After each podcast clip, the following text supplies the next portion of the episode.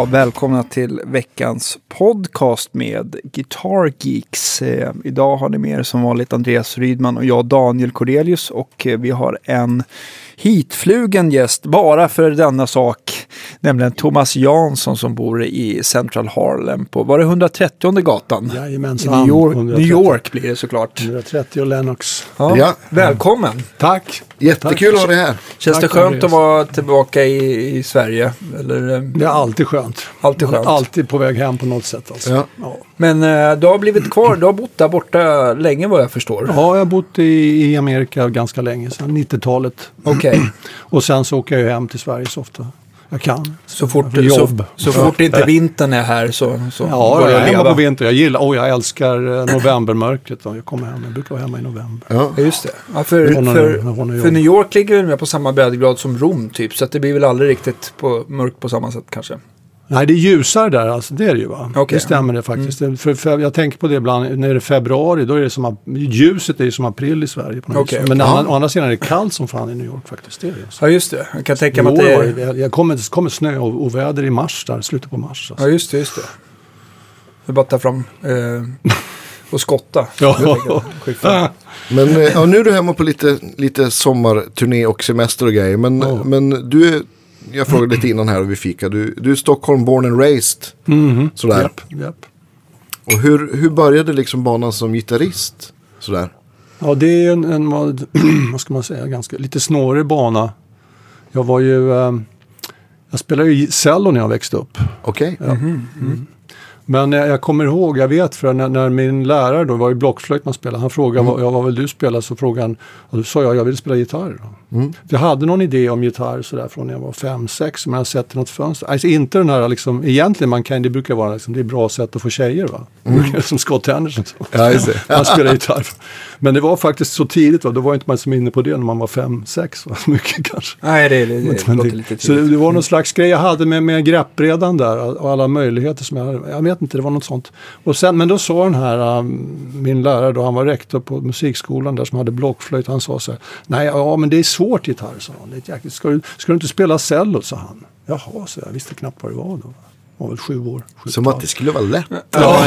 Det känns, det känns Ja, mer som att de behövde det, ja. elever på cello De för att inte läraren skulle behöva gå. Ja. någon, i någon, i någon Antagligen. Så, så, liten...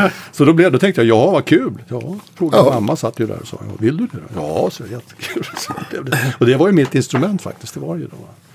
Hur länge då? Ja, hela, hela uppväxten. Jag skulle bli cellist faktiskt ett tag. Jag skulle Ja. musiklärarna så jag skulle söka in till, det var Edsbergs Lotto som hade utbildning där Mm. på gång. Men det kändes, jag vet inte, det var för, det är lite, jag vet inte, för långt bort från isolerat på något vis ändå kände jag det som. Ja. Sen hade, då hade det ju börjat med, det här gitarr kom in ändå då på något vis. Va? Det blev att man lekte, men det var ju så enkelt tyckte man också. Då. Man behövde inte intonera, det var ju band. Mm. Ja, det. precis. Det var bara att. Sen har det visat sig att det var inte så enkelt. nu håller man på än idag och lär sig spela gitarr. Ja, det tar ju aldrig slut. Nej, så det var. Men lite fusk är det med greppband helt enkelt. Vad sa du? Det är lite fusk i alla fall. Ja. Ja. Nej, man då, men, eh, nej, men, men eh, jag tänkte på... Eh, så cello var fokus, men du drogs mer åt gitarren eller var det bara ren slump att du, att du liksom gled in på gitarrbanan sen helt och hållet? Eller? Nej, Föll det på- blev, väl där. Alltså, det var lättare att ta med sig. Va? Man skulle ut på, vi hade, pappa hade en båt. Va? Han sa, ja, du, kan inte- du kan ta med den ut på sjön. Kan du inte ta med den ut på Nej. sjön? Faktiskt, så var det. Då kom. Men då var väl den här idén någonstans i bakhuvudet också kanske. Då, va? Sen Ja, så blev det. ju, det blev, ju- jag var inte riktigt inne på, sen blev det ju rock'n'roll där då. Ett par år alltså. Hela den grejen. vilket år pratar vi ungefär? Ja, det var väl, eh, vad är det här, 80-tal? Ja. Är det Några, var det några starka influenser du fick då? Som, Mm, ja, men det är ju, man lyfter sig på classic rock. Va? Det, var ju, va? det var ju liksom um, Hendrix och Ja. sånt där. Som man, mm. Det tycker jag nog än idag. Alltså. Ja, ja, vissa, oh, ja. vissa liksom Axis Ball as Love och Are You Experienced. Det var mina. Ja, ja visst. Ja, De men två det, var liksom- det blir Det aldrig de än gammalt. idag på något vis. De Men är- är, Hendrix liksom din första liksom gitarrhusgud eller, eller ja, kanske förebild det. kanske? Ja, ja, kanske det. det var, men vi har ju flera där. Du vet, um, Det var flera tidiga instrument, influenser. Ja, Ja, det, blues var ju någonting också. Jag kommer Ja. ihåg, jag gick ner i, eh, vad hette den där musikaffären vid Sankt Eriksplan en gång. Musikbörsen kanske? Ja, det var det. Gamla musikbörsen va? Ja. Det stod någon där och spelade alltså blues så här så att man, man hörde när det, jag kommer ihåg första gången jag hörde det, det var kanske lite fram där en bit va. Han spelar blues där så att man hör när det byter från, från eh, liksom till fyra, etta till ja. fyra sådär va. Mm. Och det är inte jazz precis va, utan, det är mer, men, utan bara åt det hållet va. Mm. Mina öron spetsade så här, wow. Det var Jag säkert fortfarande Nysse. ihåg den där. Ja, Ja, han var där alltså, jag Ja. känner honom alltså. Ja. Nysse och Men det var inte Nysse som spelade. Ja, precis. Han har Nej, vi det var inte han som spelade. Nej, nej, nej. nej. var det inte. Men i alla fall, så det var det ju där. Men sen så, ja, sen hände väl saker emellan där. Sen så kom det här med, med jag hörde Charlie Parker, Parker var det alltså, som verkligen drog igång mitt jazzintresse. Ja, just det. Mm. Cool Blues, men jag vet precis vad den EP som man fick tag i någonstans Ja. på en sån här liksom andrahandsmarknad i, i Vasastan. så När man köpte kul med EP så här. Ja. Det hade liksom det var utgånget format för länge sedan. Mm. Parker Cool Blues. va. Det var ju också, då hörde man ju också, alltså, det är ju alltså Dan Bad och Badobi, det är samma, tre, upprepat tre gånger samma statement. så Ja. Och sen så ändrar det en ton när det byter till, till subdominanten. Alltså, Ja. Och så det. Så det blev det och sen så gick jag över från det till, sen hamnade jag med Django Reinhardt där faktiskt ganska mycket ändå. Jag lärde mig det en, en hel del. solo. körde du den? eh, Nya Ash-solot till Nya Ash. va. Bi-do-do-do, där harmonics-grejen han Ja. gör där alltså. Ba-bi-ba-ba-bo. Jag tror jag kan den idag faktiskt. Ja. Ja, eh, jag tycker fortfarande Django Reinhardt är, eh, Ja, ska shit. hållas till de främsta gitarristerna Oh ja, någonsin. Ja, det är fruktansvärt svängigt och bra. Så. Han lyssnade på det här. Han var ju, han var ju en annan klass. Grappelli var ju också bra alltså, men, men, men, men det var ju geniet. Det var ju Django. Ja, verkligen. Ja, men jag tänker Så också, för, jag tänkte också på det som du pratade om med intonation och eh, av Mm. eh, cello och kontragitarr och sådär. Mm. Jag tycker Grappelli är väl nog av de eh, fiolspelare jag har hört som intonerar allra bäst oavsett genre. Alltså. Ja, ja, Jag men han han är- bra. Grappelli, ja, jo då. Det är fruktansvärt Väldigt bra. vass. Ja, Det är liksom Absolut. nästan aldrig surt. Ja. Eh, nog om Ja, det, men eh, ja. Men, men, eh, honom. men du, du gled liksom över på, på, på jazzen ganska tidigt då? Ja, någorlunda tidigt. Ja. Alltså, det är inte så att jag höll på med det från, från barnsben, det gjorde jag inte. Nej, ju men, men, musik men i, i tonåren sådär. Ja, Men det är väl ganska... klassisk ganska musik hela vägen fram. Sen, ja, sen kom den här jazzen då. Efter, Ja. Men då hade jag gått igenom alltså rock, blues och sådär ganska snabbt då. Men, Mm. men, men ändå deep sådär som man lärde sig. Men ja, ja, så kom det så. Och sen var det ju också, jag pratade om eh, folk som man var inspirerad av här hemma i Stockholm. Va? Rafael till exempel. Ja, vi, vi snackade om när vi drack Rafael. kaffe. Rafael Sida. Ja, slagverkarna. slagverkarna. Mm. Vi spelar mycket ihop. Mm. Och då var jag på SJV, jag undervisade ju där också, det här Sollentuna Jazz Workshop. Mm. Ja, det. Och under flera år alltså, höll jag på där. Och, och, och där var det mycket latin jazz det handlade om. Mm. På SJV faktiskt. Och det var en Just det. jäkla bra, jag tänkte på det efteråt, och jag tänker man inte så mycket då, va? utan då var det latin jazz. Och så lärde man sig tombaus och klav Mm. Ja, och sådär. Och försöka få ihop det. Och spela pianotombaus på gitarr. Så det Ja. var inte så lätt. Va? Så, det ju- men, men det är, Är det som haft egentligen är det en jävligt bra inkörsport till, till amerikansk jazz. Alltså också, Ja. Nordamerikansk jazz. För det, allt det, för folk, jag tror många har inställning till att uh, missuppfattning av Nordam, alltså jazz, va? att det är liksom eh, samma sak i trummorna hela tiden. Alltså ding, jinky ding, jinky ding. Va? Det här är liksom På swing. tisdag, va? ja. Ja. på tisdag, på torsdag ungefär. Men alltså mina upplevelser där i USA, alltså det här är ju eh, USA vi pratar om nu. va? Det har ju varit att, alltså, nu- jag kommer första Bobby Dupree är en trummis va, som spelade med Wes också. Va? Ja. Sen blev det Wes Montgomery va, för mig. Va? Bobby Dupree och sen... Eh, alltså var, varenda av de här trummisarna, de är som... Man undrar, är det här jazz de spelar först? Först i början då va? ja, Det var, det var en sån otrolig upplevelse att spela med. Jag, ble, jag blev helt, alltså man får rysningar va. Det, ja, vad coolt. det var helt otroligt va. Och På- det var som att, vad fan spelar han för någonting? Det var ju inte liksom sådär va, bing, ding, ding, ingenting av det. Men ändå fanns det fanns ju där också. Ja.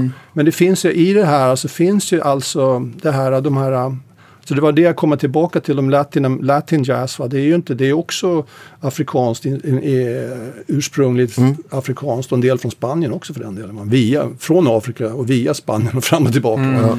Sådär. Men, men eh, de finns ju där också. Va? Bum, gong, gong, gong, gong, bum, back, gong, bam, Ja. dum, visst. dum, dum, walking bass eller vad som, det, allt är där. Det finns Mm. där alltihop. Liksom. Så det, för mig har det varit en, en jäkligt mycket aha-upplevelse faktiskt. Och, och, ja. Ja, Den rytmiska Ja. delen speciellt. Men, så att du kände att då har du haft liksom den Latin Jazz-grejen har ha hjälpt dig liksom? Ja, eh, just det. Även med, alltså med eh, det, var ett, det var en bra, jag tror det var en bra inkörsport till jazz så att säga. Istället Ja. för att spela lära sig jazz från, från, från europeisk synvinkel så att säga. Ja. Och, och, men då, då får man liksom verkligen, för där, i latin jazz där måste man ju kolla ry- rytmerna. Så att säga. Ja, Förstår där är ju rytmerna att kanske viktigare än harmoniken i ja. vissa fall. Ja, just det. Ofta är det Ja, ett ackord eller två ackord. Ja, precis. A-moll och D7 och Ja, precis. Men spela en tombaus och sen stampa, stampa klaven i vänster foten. Då har man jobb. Ja. Jag hade en gitarrlärare som tvingade mig att göra det där också. Menar du? Ja, jag kommer ihåg att jag kunde det men det här är alltså 20 år sedan. Nu kan jag det inte alls. Ja, ja, det finns nog där. Så det var, eh, ja, det är, Cool, cool. ja, rytmiskt så har man ju, finns det ju enormt mycket att hämta där. Verkligen. Ja, absolut. Ja, Jag, t- jag tänkte också så här innan. Eh, fanns det några svenska gitarrister inom jazzgenren som när du började glida in på det som du gärna gick ut och kollade på konserter i stan eller hade du några svenska förebilder här innan, innan du åkte över? Ja, och jag vet inte. Det, jag tror inte det var så mycket så egentligen. Det fanns ju en hel del som man lyssnade på. Det gjorde man va? Jag kommer ihåg. eh, Och som man var inspirerad av kanske. Men inte som jag satt hemma och transkriberade kanske. Nej, men jag tänkte om det fanns konserter med Rune Inspirerad. Jag Gustafsson. kommer ihåg Janne eller- Tolf till exempel. Var ju. Janne Tolf var ju... Så jag, tror, han skrev, jag såg nämligen den här Trenterdeckan gick på tv igår. Jag, jag tror han som skrev musiken till Okej. den. Var det inte det? Mm. Han dog ju tidigt här för några år sedan. Var det ganska många år sedan. Men Janne, han var ju lite någon slags fra, svensk Frank Zappa då. Va, sådär, va? Ja. Så jag, det var inspirerande sådär. Men det var inte att jag... Mm. Jag kände ju honom väl också. Sådär, så. Och det fanns fler, va? det gjorde det. Mm. Men... ehm, nej, men det var ju saker man lyssnade på på Fasching då. Om man gick. Och, om man tänker så här. Om man jämför, nu har du bott i, i, i varit i USA länge. bra. jag Ja, ja, och Janne ja. Schaffer, jag menar, lyssna Ja. på Janne Schaffer. Ja, Hans, visst. den här, det ska vi inte glömma. Hans, Janne Schaffer, jag mm, träffade honom här i april. Han kom faktiskt förbi när vi spelade på Ängelen. Aha, Ja, okej. det var jävligt kul att se. Han är ju alltså verkligen, Ikon. verkligen inspirerande, Ja. häftig, bra. Alltså, hans, den plattan, hans första, Janne Schaffer heter den väl bara? Va? Ja, exakt. Halkans affär, Vindarnas madrass och alla de här.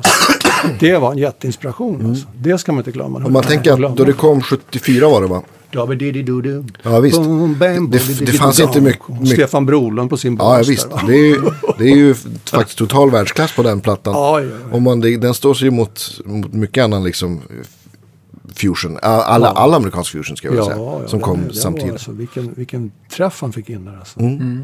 Wow. Hur, om man tänker, man brukar ju säga att det finns liksom ett, så här, ja, men, ett New York, New York sound vad det gäller jazz sådär. Va- Skulle du hålla med om det så här? Ja, Eller det finns, allt kanske finns. lite. Ja, det finns Ja. alltså mycket där så det är svårt att... Och, och, men det är ju... Alltså det är ju sanslöst där, det är det faktiskt. Man hör ju grejer där som är alltså wow. Ja, Det gör jag alltså, faktiskt. När det gäller alltså bara... Det är bara bra alltså. men det, Det finns, liksom ett finns steg till på något vis. Va? Ja, nu går Man vi, får- nu går vi får- händelserna i förväg här. Men Ja, ja, vi kan man gå tänker tillbaka. kronologiskt. Men, vi... men, men hur, hur, hur hamnade du i USA till att börja med? Var det för att du ville plugga musik eller? Alltså det var ju, jag brukar, hur var det egentligen då? Det var väl flera saker. Va? Dels var det att jag skulle ju, med, om jag höll på med jazz så skulle jag till USA. Va? Det var, så var ju så. Va? Ja, Men sen var det också då att någon kompis till mig hade med sig, ehm, hade väl varit på, på, eh, på GIT tidigare. Va? Det, var få- det är folk, många som har varit där. Va? Mm. Ja, till och med det låg på andra sidan om Sunset Boulevard. Ja. Va? Så, så, och som hade med sig alltså Joe Diorios scribbles, alltså hans anteckningar. Va? Så jag började titta på dem där. Alltså jag blev väldigt inspirerad av Joe. Alltså jag tittar Mm. på, jag har den här, när, när, när det står ett årtal eh, vad heter det nu då, Intervallic Design, hans Mm, bok. det. Den, den fick jag tag i ganska tidigt alltså. Mm. Så Joe Diorio var så lite, var lite anledningen. Jag var, jag var ju på gång till New York. Jag åkte till New York på våren där innan jag skulle till. När jag skulle iväg va, så åkte jag till New York och kollade in scenen så att säga. Ja. Gick runt på lite skolor och men det kändes som det var så många eh, liksom, europeiska saxofonister som stod i kö för att få spela ett solo. Så Mm. här, va, kändes det som. Så jag tänkte, vad fan, jag åker till. Och då hade jag kompisar som varit i LA som sa, vi åker dit. Alltså. Mm. Wow. Och då visste jag att Joe Pass bodde i LA också. Ah. Joe Pass är också en stor inspiration. Ja. Wow. Ja, det- Och han bodde i LA så det kan inte vara helt fel då. Va? Nej, men Även om man hörde att det, liksom var, det var bara liksom heavy metal i LA. Va? Så det Ja. var lite grann på, på 90-talet. Va? Men, Ja. men, eh, nej, men det var mycket mer än så. Va? Och sen gillar jag, jag, jag diggar ju Robin Ford och sånt där. Ja. Och, och alltså, vad heter han? eh, Den där BP... BP Blues, jag kommer att transkribera för någon ensemble jag hade. Vad heter han? Alltså, Larry Carlton. Ja, ja, ja, Wow. såklart. Och där spelar jag ju sen liksom var och varannan vecka på, på Baked Potato. Ja, vad Det- det, roligt. det, det visste Ja, inte jag att okej. BP Blues var ifrån. Baked var Potato live Blues, från ja, Baked. Potato. Den låten va. Det är faktiskt en jävla bra. Ja, kul. Ja, men den får vi lägga till i vår... Vi brukar göra en spellista till varje. Jaha. Eller till har många av episoderna. då, alltså. Ja, precis. Ibland Så är då vi, får vi lägga till den. dåliga på att eh, följa upp. Men eh, vi ska Men försöka när... när Ja, ja, så då åkte jag ju dit. Och, för, för, Vilket år jag var det så- här? Det var tidigt här, alltså, 90? ja, tidigt på 90-talet. Ja. 90-talet. va. Och då fick jag ju sitta där alltså. Och men Joe Diorio satt ju där på sitt rum med en stor sån här desk. Liksom en skrivbord framför sig. Skrivbord framför Ja. sig. Det är inte vad folk hade annars där. Va. Så, så, men det hade ju han då. va. Så man Som en direktör liksom? Ja, lite direktör då. Ja, med sin, med sin eh, ES 175. Ja, då, visst. Mm. Och så här, va. Så en starkare där. Så. Och så bara satt han där och liksom skrev. Va. Skrev bara hela tiden nya idéer. Bara. Okej. Ja, först, ja, sen spelade han ju. Han komma och spela någon sologrej. Så bara, wow! Va. Ja. Vi satt ju där och bara gapade runt. Va. Och han kunde det där med Det var liksom showtime också. Va. Mm. Och sen så samtidigt har han den här förmågan och, så, och, och, och skriva ner sina idéer snabbt. Mm. Det producerades ju en jäkla massa. Va? Det gjorde han. I alla fall, så det tog det en stund. Men sen blev jag liksom, sen spel, kommer jag ihåg när jag fick spela med honom första gången. Nu kommer det här upp. Jag har inte pratat om på många, många år. Då, då spelade jag så här, så sa han så här. Jag kommer ihåg vad han sa nu, alltså, men han, han visste när jag riktigt spelade och när jag inte riktigt spelade. Utan man spelar så här, improviserar. Ja, det kan bli att man, nu spelar man bara någon, något lick. Va? Ja. Lite muskelminne typ. Ja, och nu blir det bara liksom sådär va, på Ja. rutin eller man går där det ska ska. Men när det kommer från hjärtat va, Ja. då är det en annan sak. Du vet, Ja. det bara händer det liksom. Precis. Det bara händer så här, wow. Och det där visste han precis. Han sa, jaha, ja, now I hear you, sa han. Ah, Okej, coolt. now I hear Ja. you. Sådär. Sen, sen blev det tyst, då var det ingenting. Ja, ja då, visste, då känner man ju också att det fanns, här kan man ju verkligen lära sig något från en sån gubbe som, då, Mm. Ja, visst. wow, eller hur? Så, så, så, sen satt ju han och jag alltså två dagar i veckan Oj, och skrev idéer. Ja, vad kul. Först Alltså. så spelade, antingen var det liksom play då, Mm. var det ibland, eller också var det science, do the science thing, och då liksom intervall. Mm.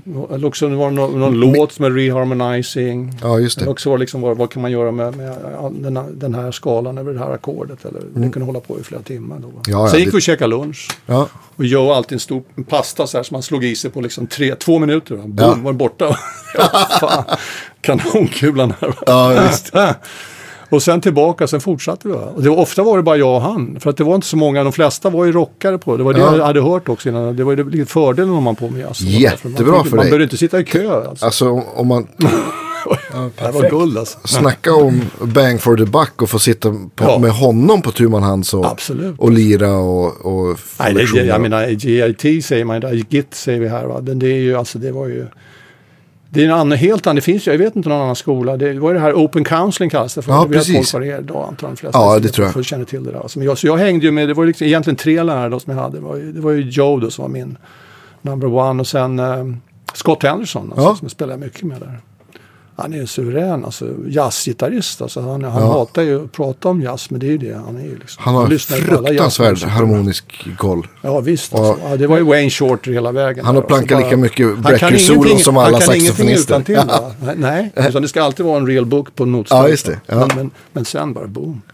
Och så Ron Ashtay hette alltså en, en gitarrist som inte är så känd tror jag. Alltså. Ja. Mm. Men för mera alltså straight ahead jazz, va? alltså mainstream jazz och chord melody. Han hade ju klassen där också, chord melody class hade de Okej. på EIT som alla tog. va? Ja. Det var väl valborg, eller skulle nog alla. Som var jävligt bra faktiskt. Jag har en bibba papper från det. Approach from above, approach from below och vad han Ja. hade olika, sina, sina egna tagningar på. Och, och sen arrangemang på en massa standards då. Ron Ashtay. Va? För Joes grejer är ju mera out va. Joe Diorio han är ju mera out. ja, precis. Prylar alltså. Liksom underliga saker och intervall i små sekunder. Och, Mm. Men det måste ju också varit en väldig fördel för du verkar ju som att du hade väldigt bra eh, koll på, vad ska jag säga, nu står det helt stilla, men på liksom noter och allt, notläsning och allting. Det var lätt Ja, ja, för jo, dig jag hade med- gått på musikhögskolan. med- Ja, precis. Så det, var ju, det var en fördel alltså. Det är det ju faktiskt alltså. Att ha en grund alltså. Det tycker Ja, jag. visst. Om man åker till Amerika. Så, Ja. så man inte behöver... Det, det brukar också vara så att om man kommer till de, att svenska och skandinaviska musiker håller väldigt hög klass. Ja, så är det ofta. Ja. Det är det ofta. Ja, det tror jag. Absolut. Men sen så är det liksom det amerikanska, det är det amerikanska. Alltså det tar ju, alltså, jag, jag kommer ihåg att jag tänkte, någon gång tänkte jag att det tog ungefär tre och ett halvt år och, och, och inse hur annorlunda de är amerikanerna. Va? För det är de alltså. Och, och, och inte bara, jag menar som personer också då. Sådär, men också i musiken då faktiskt. Det här groovet som finns där. Ja. Det är ett groove där alltså. Som är Ja. naturligt på något vis. Va? Ja. Går det att sammansatt, eh, sammanfatta det på något inte allt för långt sätt hur, liksom hur annorlunda de tänker groovemässigt eller spelmässigt sådär jämfört med när du kom över? Nej, det är ju inte, nej, det tror jag inte. Det är svårt att sammanfatta sådär. Det tror Ja. jag. Utan det är ju inte, det är inte en, tänk, det är inte en tank, tänkgrej utan det är någonting som kommer ur... eh, En vibe mer. Ja, det finns i hela kulturen alltså. Det Ja. gör det. Det kommer från den svarta befolkningen alltså. Att det finns en, en relation till kroppen. Va? Dans också. Va? Mm. Kolla in dansen. Och, och det, det, de här liksom showgrejerna som man ser på tv. Det kommer ju, det är amerikanskt. Musicals och sådär. Men showdancing, va? de har ju det på Mm. Sånt har vi ju inte. Nu finns det väl i Sverige, liksom, nu har det kommit till, alltså, speciellt de, tror jag, de sista 10-20 åren, alltså, mer än, än större, jag tror genom hiphop också. Va? Mm.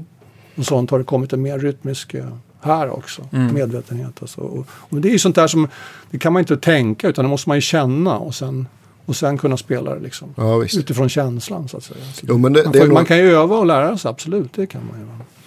ja, men om, man, om man jämför med nu för 25 år sedan så är det nog, finns det nog mer, mer popmusik som är svängigare så att säga. Som har mer, liksom, Ja, det tror jag också. mer groove.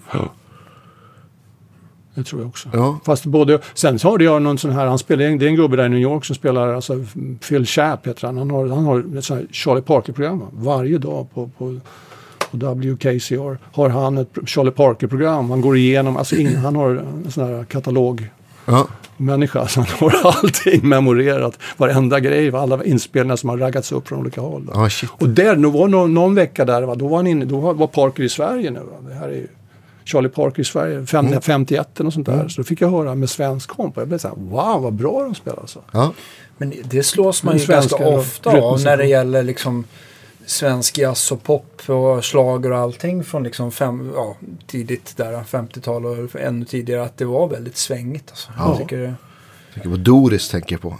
ja, Vad är det för något? Alltså, Det är, det det väl någon typ av så här soul-funk. Det lät lite grann som Blackness All-Stars. Det är ju sent 60. Jaha. Sådär. Det lät ungefär som Blackness lät på 90-talet. Fast 30 Alltså år svenskt band? Ja, svensk. Jaha, en men. sångerska som heter Doris. Jaha. Ja, jättebra. Jag bara, bara, det bara kom upp här så här, på tal om sväng. En sak som kom upp på- för mig är när det gäller Charlie Parker. Han, han spelade ju någon av, jag tror att det är en av hans tidigare inspelningar eh, som han spelade med en av mina favoritgitarrister, Ti- Tiny Grimes. Ja, ja. Jag tror att han hade ju Tiny Grimes and his Rocking Highlanders. Aha. Har du sett den bilden? Nej, inte. Men Då är, då är, jag tror att det är fem svarta som har klätt ut sig i, alltså i kilt va? På Okej. omslaget. Så att de, du ser. Ja, googla upp det för det är en, en, det är en skön bild i alla fall. Mm. Otroligt bra gitarrspel. Jag tror att eh, Tiny Grimes spelar tenorgitarr fyrsträngat. Jaha, Men det okej. låter så fett och stort. Mm. Otroligt bra tycker jag. alla. Jaha, en musiktips. Okej. Men, men eh, om vi återgår till, eh, till MI och, och GIT här då. Hur, var det ett år du var där eller var Ja, det? var ett, det fanns på ett år då. Ja, Sen har de ju lagt till, så man, nu kan man ju göra liksom en bachelor tror jag. Så Ja, då var det, det, bara, det var ju en vocational school. alltså. Ja, just det. Ett år. Men det var ju som det var tanken där, 24-7, alltså man körde på Mm. sju dagar i veckan. Och så, där, så det var kul. Och då, då, så jag stod ju på där och, och, och körde över det där. Så, så sen fick jag den där gitarren, då vann jag gitarren till slut. Så, här. så det var Ja, ju du fick- Outstanding Player of the Year. ja vad Ja, kul. okej. Ja, Fick jag en Fender, vit Fender Strata. Som Ja. Så det var Coolt. lite kul. Då var man peppad lite sådär. Var kvar. Ja, så blev jag kvar ett tag. Så jag tänkte jag skulle spela sologitarr. Hade jag fått för mig liksom. Och det skulle jag göra där nere på Melrose då. Så det gjorde jag det. Det var kaféer och sådär. Och så Ja. blev det andra grejer. plockades till. Så. Så du blir kvar ett tag efter? Ja, så var jag ju kvar där. Sen så började jag, den tog, det var väl några ett antal år emellan. Jag gjorde olika, olika grejer som hände. Var en liten, sen undervisade jag på JIT också då. Ja. Bra många år alltså. Man hade klasser och private counseling och allt det där. Men eh, jag tänkte det var en lite rolig grej, eh, sån här story liksom. När, jag- det, fan, de har såna här skyltar på väggarna på JIT då. Mm. Då står det, alltså Ron Ashley har skrivit någonting va, om, uh, there is no, han, han har den här, there is no substitute for hard work. Liksom. Det var Ron Ashley alltså. Det var övas med, okej. Joe Dior han hade den här, det stod så här. uh, have you ever considered tap dancing? Jag tittade på den, så något jävligt konstigt lick som gick upp så här. Så här var ungefär. Ja. Jag tänkte, vad fan, men där tittar man på. Ja, det är lite, det, då, då går han lite väl långt, ungefär ska man börja st- steppdansa.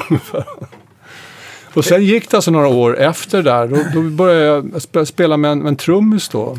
Det blev också ett gig på, på Tahiti med den här trummisen faktiskt. Bland annat. Och innan vi kom iväg till Tahiti, då repade vi på något ställe där, där det var en tapdancer. Ah. Alfred DeSio hette han. Va? Vad roligt. Han hade jobbat med den här Gregory Hines, den stora svarta tapdancern. Det finns Mm. en, varit med i en film om Gregory Hines. Och, och, och, och då ville han att jag skulle vara med och spela med honom. Han hörde mig, va? så jag tänkte, jaha, okej. Så det blev liksom gitarr, tap. Helt plötsligt så satt jag där och spelade liksom en tap, med en tapdancer. Ja, och vad steppare. Så var, vi var i, i Wyoming där, Casper, Wyoming på någon sån här vad heter det, auditorium och nere i, ett, ett, i, i Phoenix, Arizona, på någon showcase också. Körde, han hade en gammal bil och körde till Phoenix med. Var det, allt, eh, var det noterat då för att ni skulle synka eller var det helt improviserat? Eller hur? Ja, nej det var såna här, nej det var improviserat. Det var låtar som jag, om jag inte kunde, då fick jag lära mig dem. Va? Det var en del som jag inte kunde, va? som var gammal, som är liksom tap-låtar. Va? Till exempel den här Okej. Cute. Va? Ja, låtar som är skrivna för det liksom. Ja, okej. så att det är Ja. mycket breaks och sånt da, där. da, dit. Dun, da, da, dit. Och så- Ja. Och så skulle jag liksom... oh, da, da, da, ba, bam. Och sen steppade Ja. han däremellan. Ja, och sen var det gitarr då. Fick man försöka göra något solo så här med ackord eller någonting däremellan. Och det måste ju svänga. Det här Ja. så det var ju det var en utmaning. Sen hade jag några nummer jag spelade själv emellan. Där. Och sen gjorde väl han något själv. Han hade sån här synthesizer på sina... Under alltså klackarna va. Så han Jaha, hade ba- okej. baskagg. så här, Boom, boom, boom, hi-hat. Boom, tjack, tuk, tuk, tuk, På fötterna då. Och Ja, vad coolt. det var liksom hans grej. Han jag tror han hade konstruerat den själv, den här Alfred DeSio. Så det var lite spännande. Så hamnade jag på den grejen. Och då lärde jag liksom, Tap var ju, jag pratade med Roy Haynes, den store, alltså trummisen, en av de största va. Alltså, Ja, visst. som lever än idag. Han är över 90 nu. Han är 90, Ah, jag tror- shit, alltså. alltså jag, jag, jag var pratade med honom på Blue Note här i, i vintras. Alltså, då, han är ju hur klar och pigg som helst. Lite, vad säger man, frail nu. Han har tappat lite vikt såg jag sådär. Ja. Men, men fantastisk. Och vilken.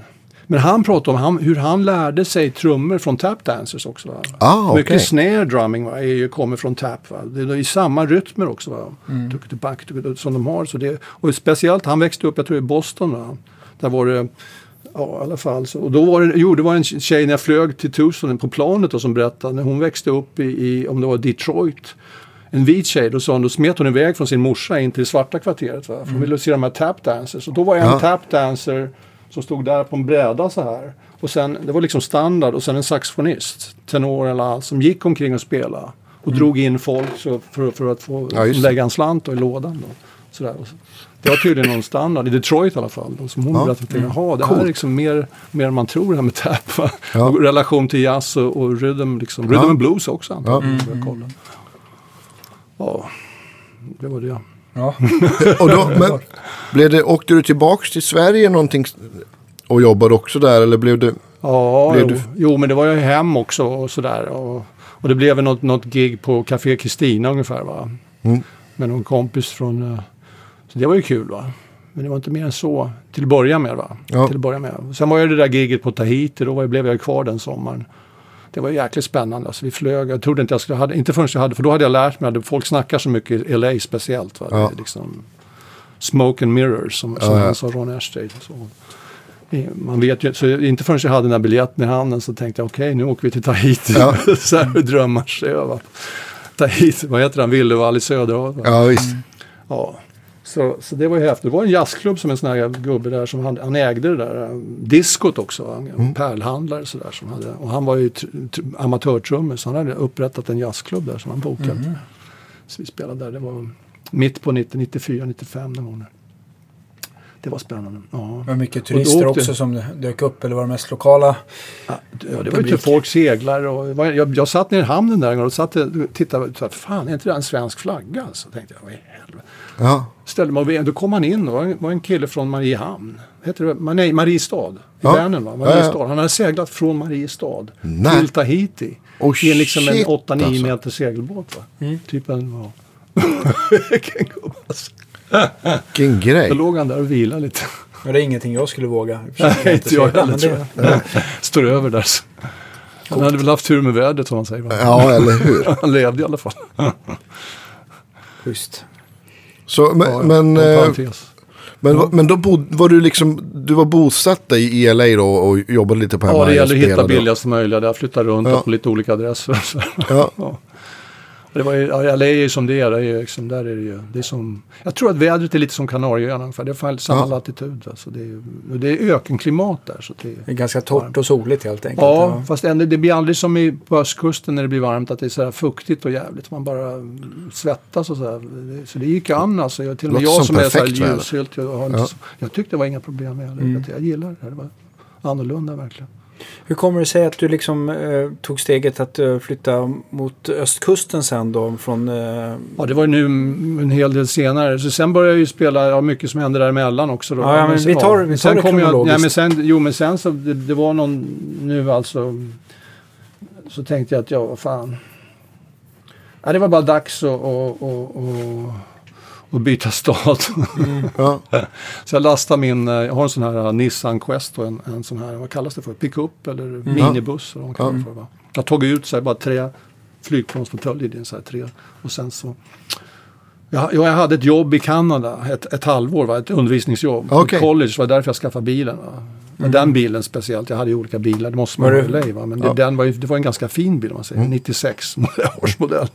En ganska ny i alla fall. Ja. men men eh, hade du den bara för att det skulle vara lätt, lätt att lasta in för gig och backline och sånt där? Så Ja, så var det i LA alltså. Ja. Ja. det var ju jäkligt bra. Och, samma, så nu lastar den med grejer. Med, jag har ett gammalt mm, sån här piano, gitarrpiano och, lite, och några gitarrer och, och vad det nu behöver, lite värre. Så körde jag till New York faktiskt. Mm. Det var ju liksom, Men det är en bra resa. ja det tog ju några dagar. Ja. Får, jag bara fråga, vi har ju, brukar ju också väldigt intressera sig, eh, oss för liksom vad folk använder för gitarrer och förstärkare. Är Ja. det- är, jag, jag hörde om din vita stratta som du vann där, men Ja. vad, vad gillade du mest att spela på under den här tiden? Ja, du ska berätta. Den, den där vita strattan, den har jag faktiskt inte spelat på. Jag hade däremot en, en, en vad kallar de det för, en amerikanskbyggd stratta som Ja. jag köpte Halkan här i Stockholm. Faktiskt. Okej. Med, med, eh, som jag spelar på på EIT en hel del. Mm. Eh, och eh, men eh, sen gick jag över till, åh, fan, när hände det egentligen? Jag började spela på min gamla jazzburk igen, igen va, Mm. så, som man säger. Och Så gammal blev- ja, jazzburk, innebär det en gammal Gibson eller? Ja, det, är alltså den, det, och det blev min, det var ju den, den köpte jag faktiskt här i Stockholm och Halkan också för Jaha, länge okej. sedan. Den ägdes av en 70-talet. dansk, en amerikansk jazzgitarrist i Danmark hade han köpt Jaha. den av. Den är L7 från Okej. 1959. Ja. Och den här dan- amerikanska jazzmusikern i Danmark, han hade rest, jag har en sån här hotell-label som sitter på, på originalcaset då, som Ja. står här i Stockholm då. Så man kan inte, men den är ganska frä, vad heter det? Ja, det- skört. Ja. ja. Det är ingenting du skulle slänga på flygplansbandet? Nej, man gör ju inte det. Nej. Men där sitter de där etiketterna från Jylland och sådär. Va? Och, ja, roligt. och det där är ju min, min, min, min älskling nu då, då. För jag tog ner den sen, det var ju lite problem, den var ju nerspelad alltså. Den var ju, caset och gitarren var ju ner. Så jag, då sa Joe, så jag tog hans gitarrmäckare ner i Laguna Beach. Joe Tänk, Diorio. alltså. ja, han hade sin där, sa han, och den är bra. Så gick dit och där blev, gjorde han, och då satte han på nya band och så. här. Det blev inget bra. Jaha. Jag trodde det skulle men det blev faktiskt inget bra. Trots att jag sa till honom om någonting sådär. Det blev... Så sen blev den liggande ett tag till då. Och sen, då, då hann jag skaffa mig en sån här Casino. Mm. En alltså Epifon. Epi, epi, Epiphone. Ja, som en grekiska, grekiska gitarrbyggaren. Ja, precis. Men, Familjen Epi. ja, Ja. precis. men jag tänkte på äh, kasinon. Det är den som, den ser ut som en 335 men den är egentligen, den har ingen så här centerstock. va? Nej, Utan det är den som en helt- 330 alltså. Precis, med Gibson P90. Tre, ja, alltså P90. Jag Ja. spelar bara på P90 by the way. Mm. Man säger. Jag spelar inga andra mickar. Nej. P90 på allt. Ja. Berätta varför just P90 då? Jo, jag, att jag- älskar ju P90 också men det är Ja. skönt att höra någon annans. Men min, Ja. min, min variant på den är ju att, att ja, det, börjar väl egentligen med den här kasinon. Jag kanske hade haft någon innan med det, men det är väl den, alltså det soundet. Den har jag fortfarande. Det står, nu råkar den stå i. Sen hade jag en olycka med den. Och då gick, på flyget mellan Stockholm och någon annanstans. Va? Då gick, gick, gick halsen av uppe vid, eh, Huvudet. vad heter det, huvudet? Ja. Som sen han, eh, Norik Ranson by the way, i, i LA, en bra också gitarr Ja.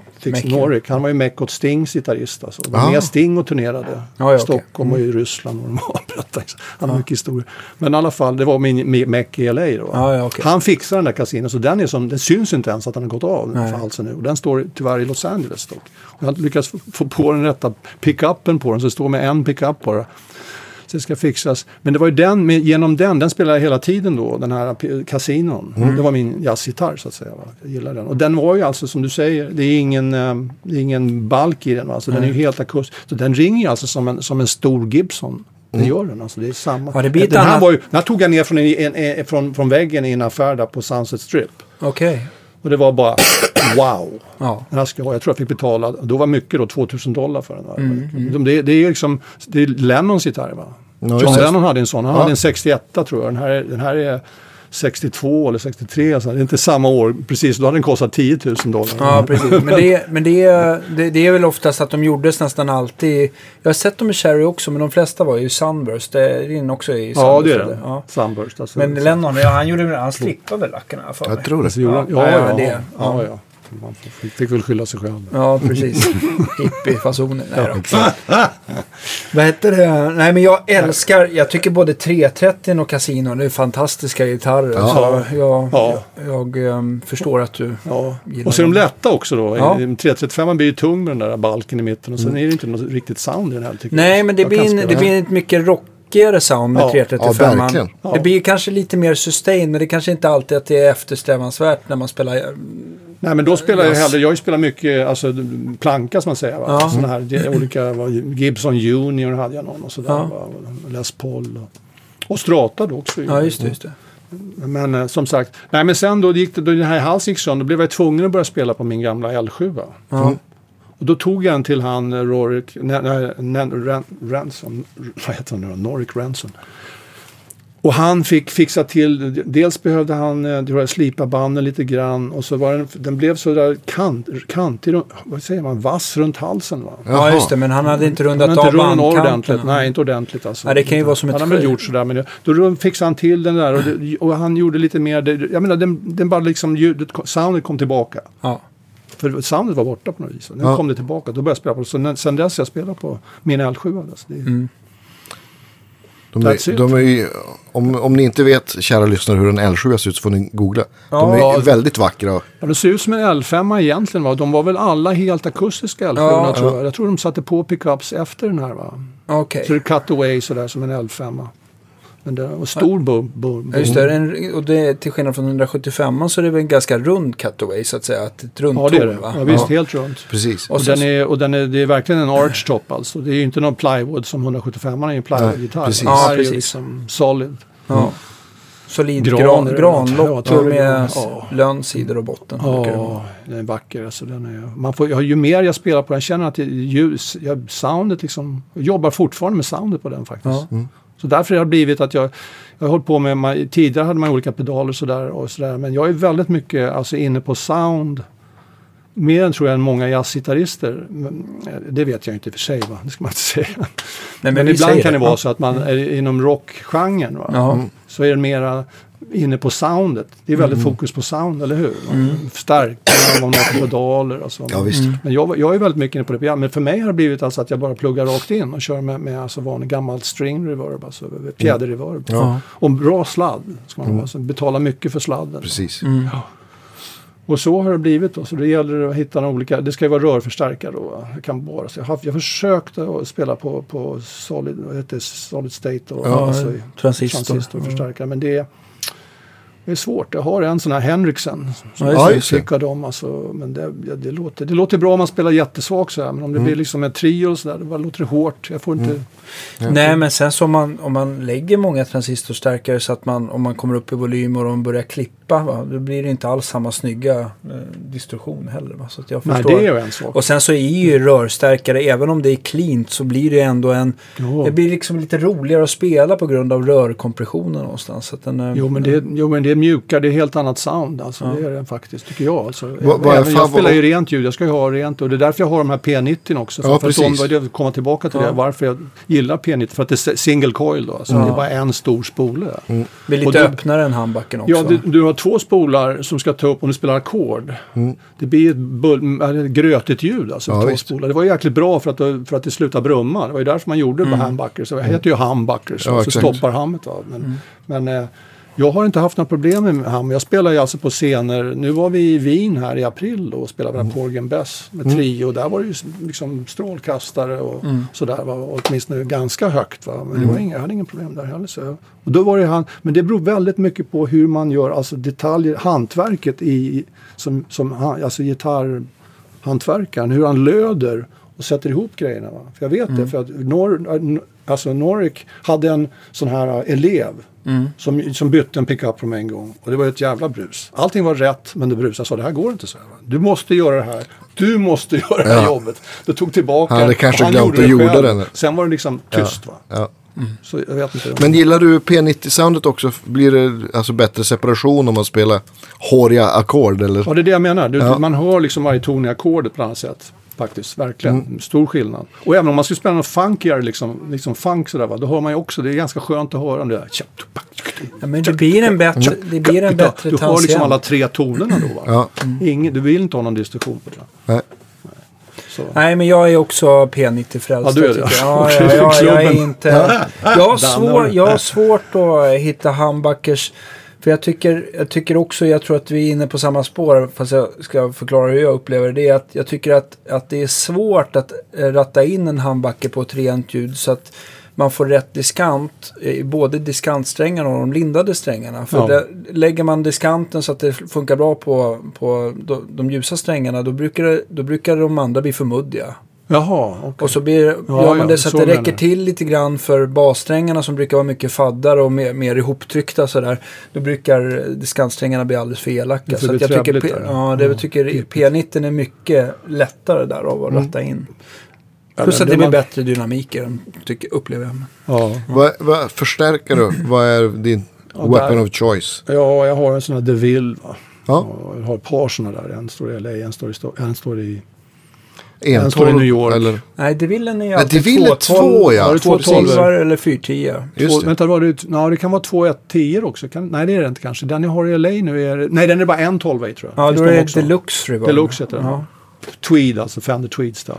Ja Ja, då är det, men då är det den som heter Blues Blues Deluxe. Deluxe. Ja, ja, just Nu har vi utrett ja, det här. Ja. Jag har en sån. Jag har, alltså den jag har i New York är med två tolvor. Ja. Med tweed eh, Mm. runt va. Blues DeVille. Blues DeVille är det. Ja. Den jag har i LA är en, en för den blev jag tvungen att skaffa mig nu nyligen. Ja. För, för jag kunde inte spela den där Henriksen-ampen. Jag tror att den här Henriksen-ampen skulle låta bättre om jag hade en annan högtalare. Va? Jag har några Altec Lansing-lådor som... Men i alla fall, eh, rör ska det vara då. va? Det liksom, och då är det en, to- en 12 i den jag har i LA. Sen har Mm. jag, här i Stockholm har jag faktiskt en sån här Music Man med två tior som tycker låter jävligt Mm. Just det. bra. Det är en liten favvis också. Just Mm. det. De, det är, vad heter de? De brukar ju... eh, 110, RD 210. RD, RD 210. 210. Exakt. Ja, en klassiker. Vilka kalenderbitar eller vad Ja. ja, Och så har jag den där lilla också va, med en 12 är det väl den, den här sneda. RD 112. Ja, men Ja. Den, är, den är det något problem med. Den, jag vet inte fan, det var någon som skulle fixa någonting. Den håller på. Den ska behöva ta in på service. Ja, är det, men är det de bra? är ju- Du har splitt ut lite riggar då, i och med att du reser jag mycket. måste då. ha det lite. Ja. Åtminstone de. Man, man, man får ju dra runt på de här gitarrerna. Det är jobbigt nog. Va? Det, Ja. det är liksom, man skulle vilja ha några fler. Så. Vad kör du för strängar då? Kör du slipade?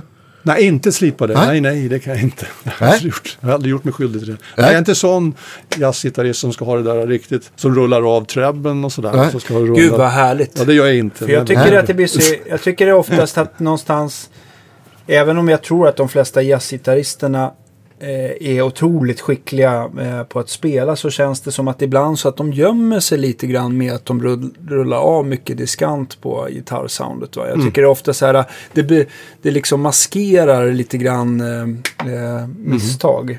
Mhm, Ja, det är möjligt. Ja. Det det? ja, men det känns ju inte som att det tar fram detaljerna i alla fall.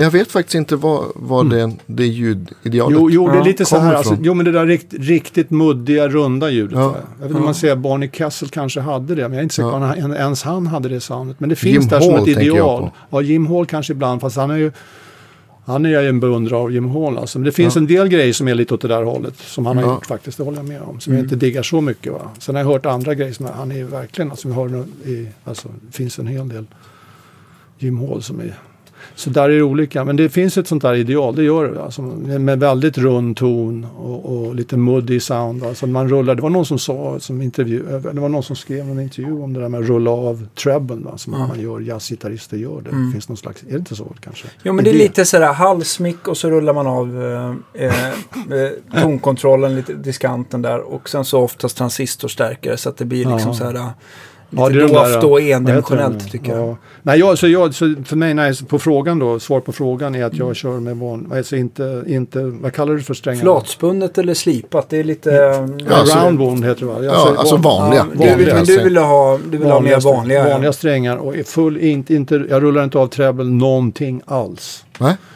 Utan det, det ställer jag på förstärkaren. Ja. Det står alltid på fullt. Ja. Allt ska stå på fullt i princip. Va? Vad kör du för strängtjocklek? Ibland, men det Ja, ska ja, helst stå på fullt den också. när Ja, absolut. spelar. Ja. Vad har du för strängtjocklek då? Ja, då är det alltså, en- sen börjar man spela de här, om man ska prata sträng, tjocklek.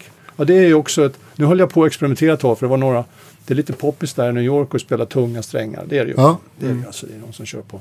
Men nu, jag, jag, så jag hade 12 ett tag faktiskt. Ja, Och så gjorde jag som Joe Dior gör, att man lägger 12 på topp och sen så slankar man ner sig i botten. ja just det. Så det är ungefär ett 11-set i botten. va, Så hade jag ner till 48 typ eller något Ja, sånt så hade jag tag nu. Men sen så började jag känna att det, det är ganska tungt ändå alltså. Mm. Ja, men jag spelar ju klassgitarr också, så jag har ju chopsen i vänsterhanden om man säger så. Ja. Och i högerhanden också för den delen.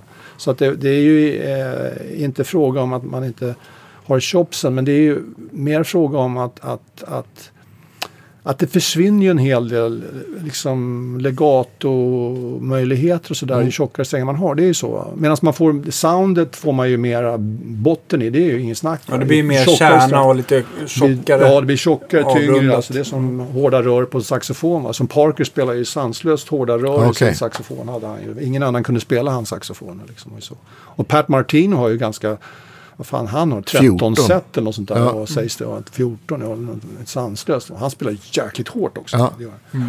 Men, men vad jag gjorde nu i alla fall, så jag spelar 11. Mm. Tillbaka på 11 och var helt 11. Alltså sån här, men det ska vara då de här Tomastic-strängarna. Just det. Ja.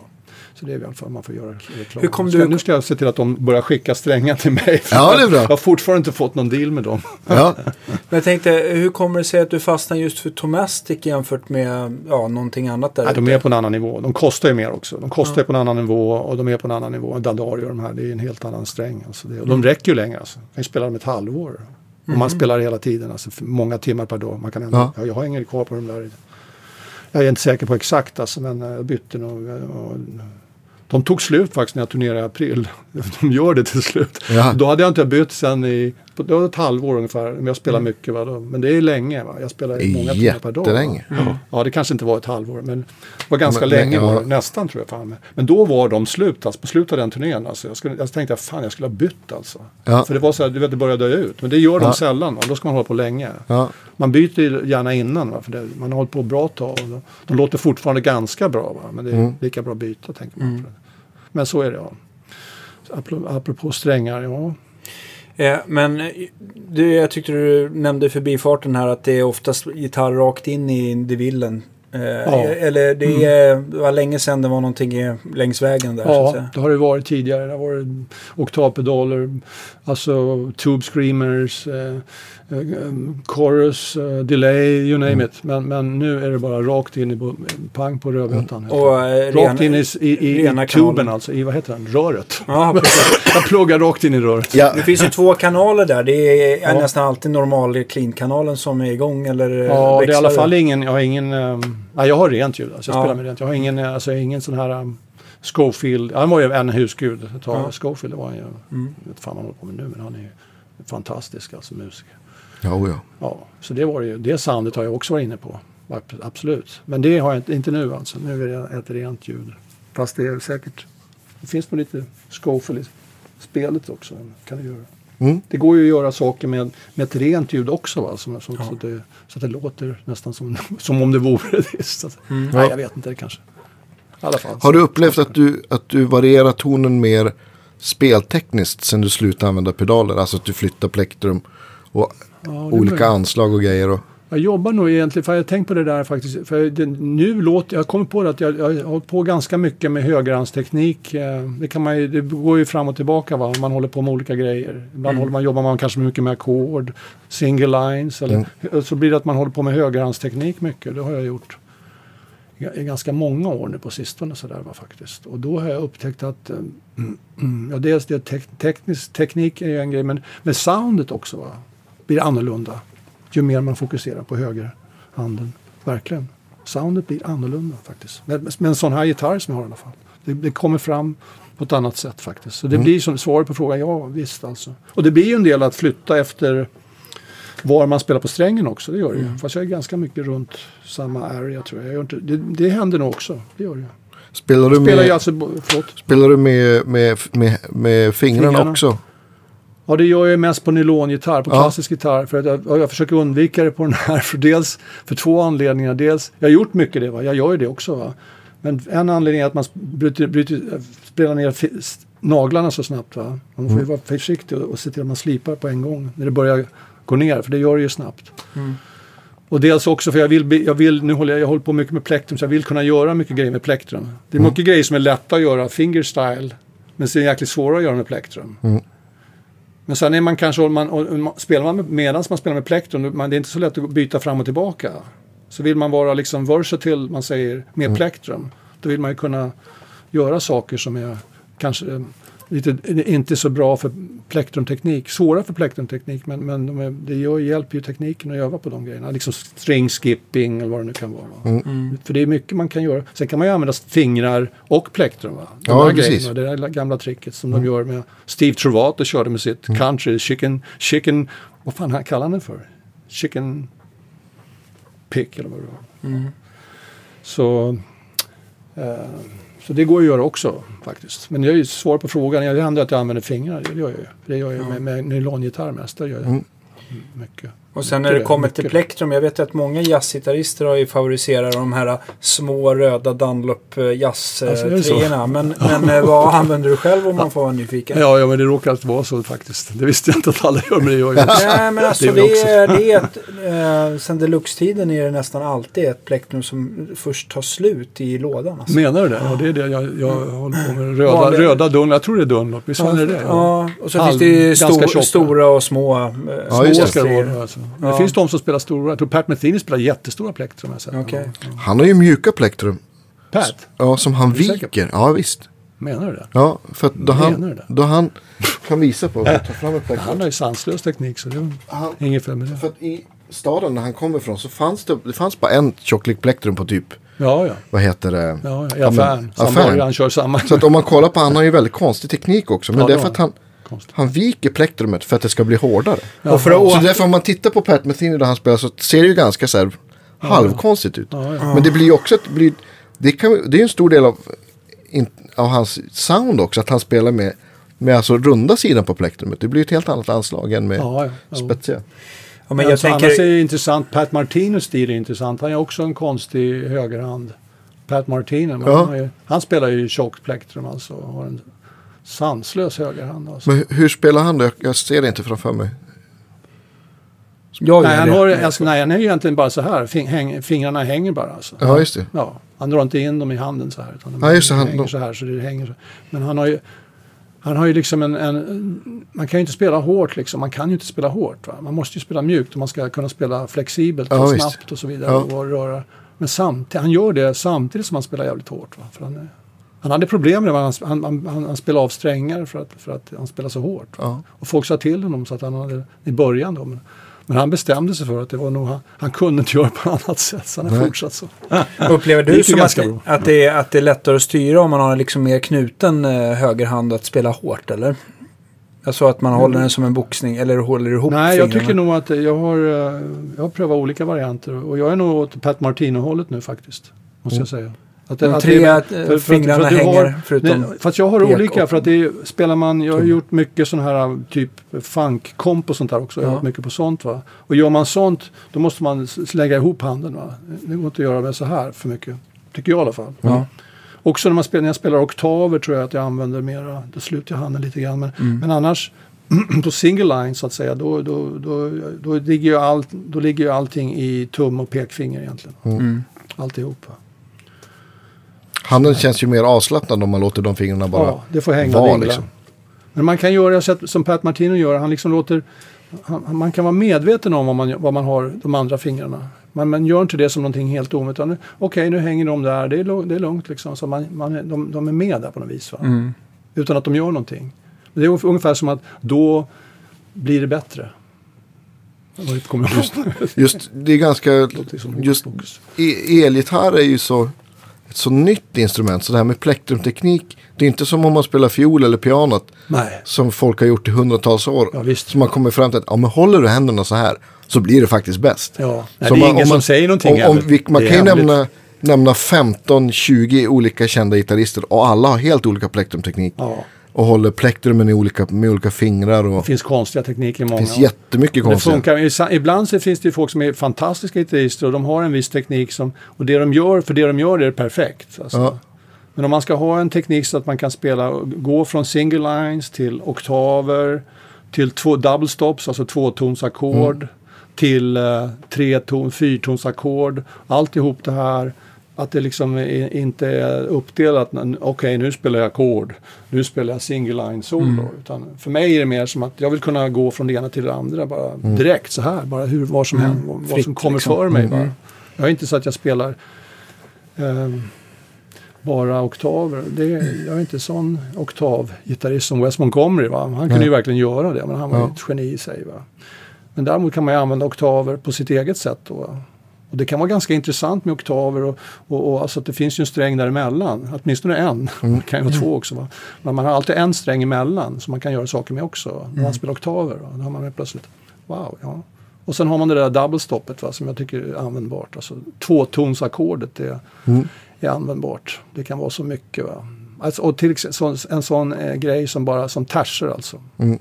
Som jag vet, Joe Diori sa, en terser är inte så intressant. Man sa. Så jag började spela terser, jag höll på att spela terser. Jag tyckte det var skitbra. Så. Ja. Jag menar terser över, över eh, kan ju vara över altered sound. Liksom. Ja. Terserna över där. Det är det mest, kanske det som närmast, det låter liksom kanske för sweet. Ja. Eller för soft för om man ska Ja. vara någon så här liksom avantgarde jazz. Va? Men, men det, är- det är inte nödvändigt, det, det låter bra också. Alltså. Jag gillar det här. Just nu i alla fall. Ja. Men du som ändå, det som är intressant med dig är att du har, in, du har verkligen snöat in på just den här uh, hur man uh, tekni, tekniskt ska spela sitt instrument. Är, när, du har haft, när du har ändå haft elever sådär, Ja. är det ofta uh, återkommande fel de gör som du får rätta till eller brukar det vara väldigt individuellt tycker du? Ja, det är nog ganska individuellt faktiskt. Ja. Tycker jag. Det tycker jag.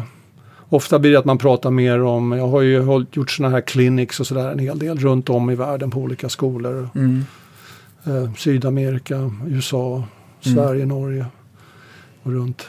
Och, och, och, ja, då är det för sig när man gör workshop, då har man ju många elever framför sig. Mm. Då är det inte one-on-one. va. Men jag har ju också haft en hel del, ja, det hade jag ju på GIT också, privatelever. Va? Det har Mm. jag ju nu, jag undervisar Mm. i New York. Så, så jag har väl hållit på med det från och till hela tiden. Och jag har svårt att säga att det är det ena eller det andra faktiskt. Det har jag. Men att, att, att man... eh, Jag har väl vissa grejer som jag tycker är bra för, för eh, högerhandsteknik så att säga. För det är det som jag tror kommer bort många gånger som inte någon... Folk, det är ingenting som man snackar om utan det får man lära sig. Och för vissa kommer det... Sådana här grejer är ju liksom... För vissa, vissa är bra på att skala potatis liksom. Andra har, ju- tycker det är jättejobbigt att skala potatis. Förstår du va? Och det är ungefär teknik, på- högerhandsteknik på gitarr. Va? För en del kommer det bara automatiskt bli det rätt. Ja. Va? För andra så blir det inte det. Jag vet folk som har spelat, jag känner folk, kompisar som har spelat kanske jazzgitarr i 20 år.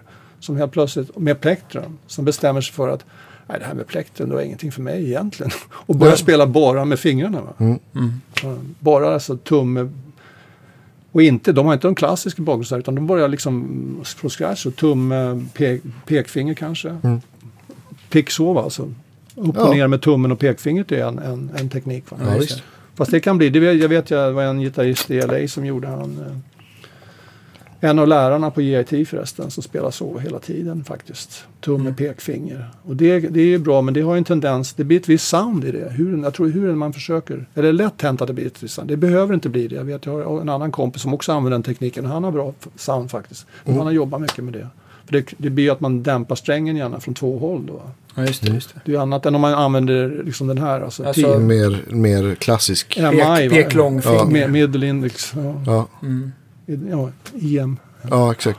Då är det ju bättre. För, men det, Men har du, du undervisat på någon skola i New York då?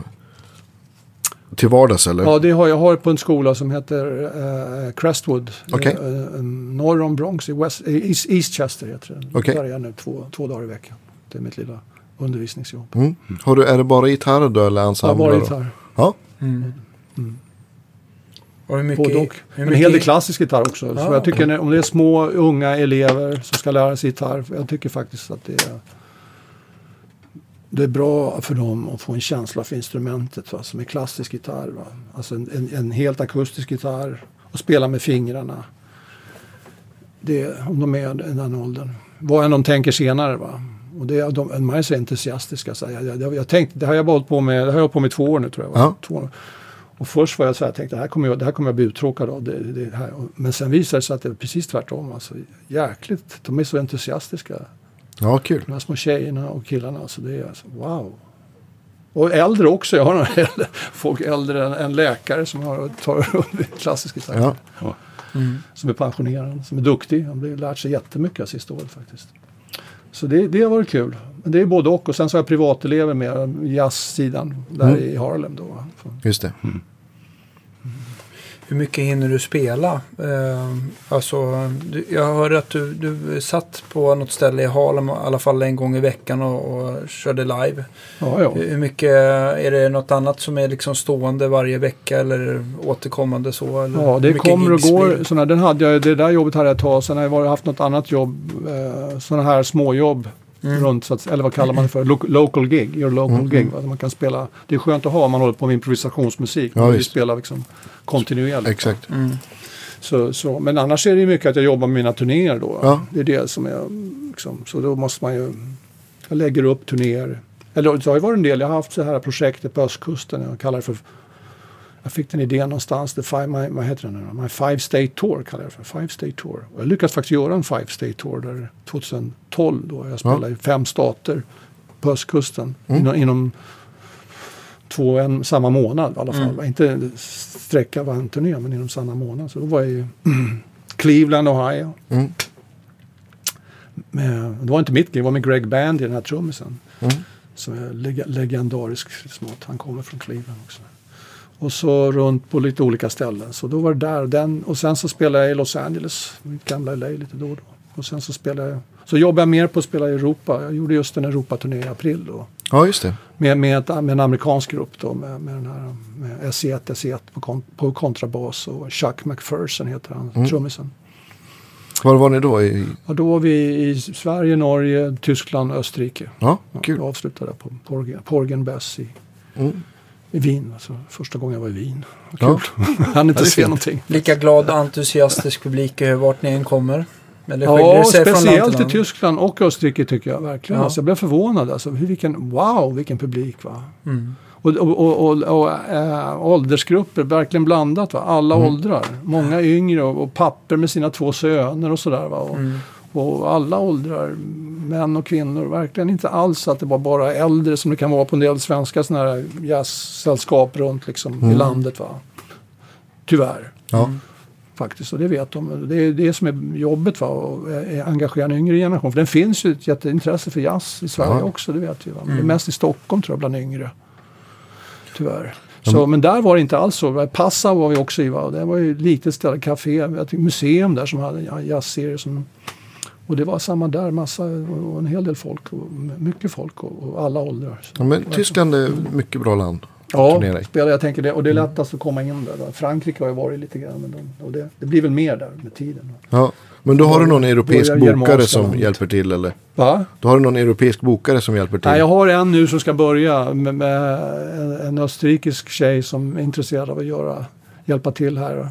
Annars har jag gjort själv det mesta Mm. faktiskt. Jag har haft någon agent. Det, det kan vara jättesvårt med agenter. Va? För Ja, då, blir det, då ska de göra det, så man, måste man sitta på händerna lite så här. Va? Ja. Och gör de ingenting, va, då blir man ju jättefrustrerad. Mm. Och gör, de för, gör de någonting eller för lite, vet man, man är ju... Ja, det, det är svårt alltså med agenter. Jag hade en, en, i- en i Chicago, som jag, han hjälpte väl till med lite sådär, men det... det ja, det, Och sen hur entusiasmen kan dala över tid också. Det kan vara skitbra första svängen och sen så liksom känns det som att eh, Mm. eh, det bara svalnar intresset att hjälpa till. Så att liksom, ja.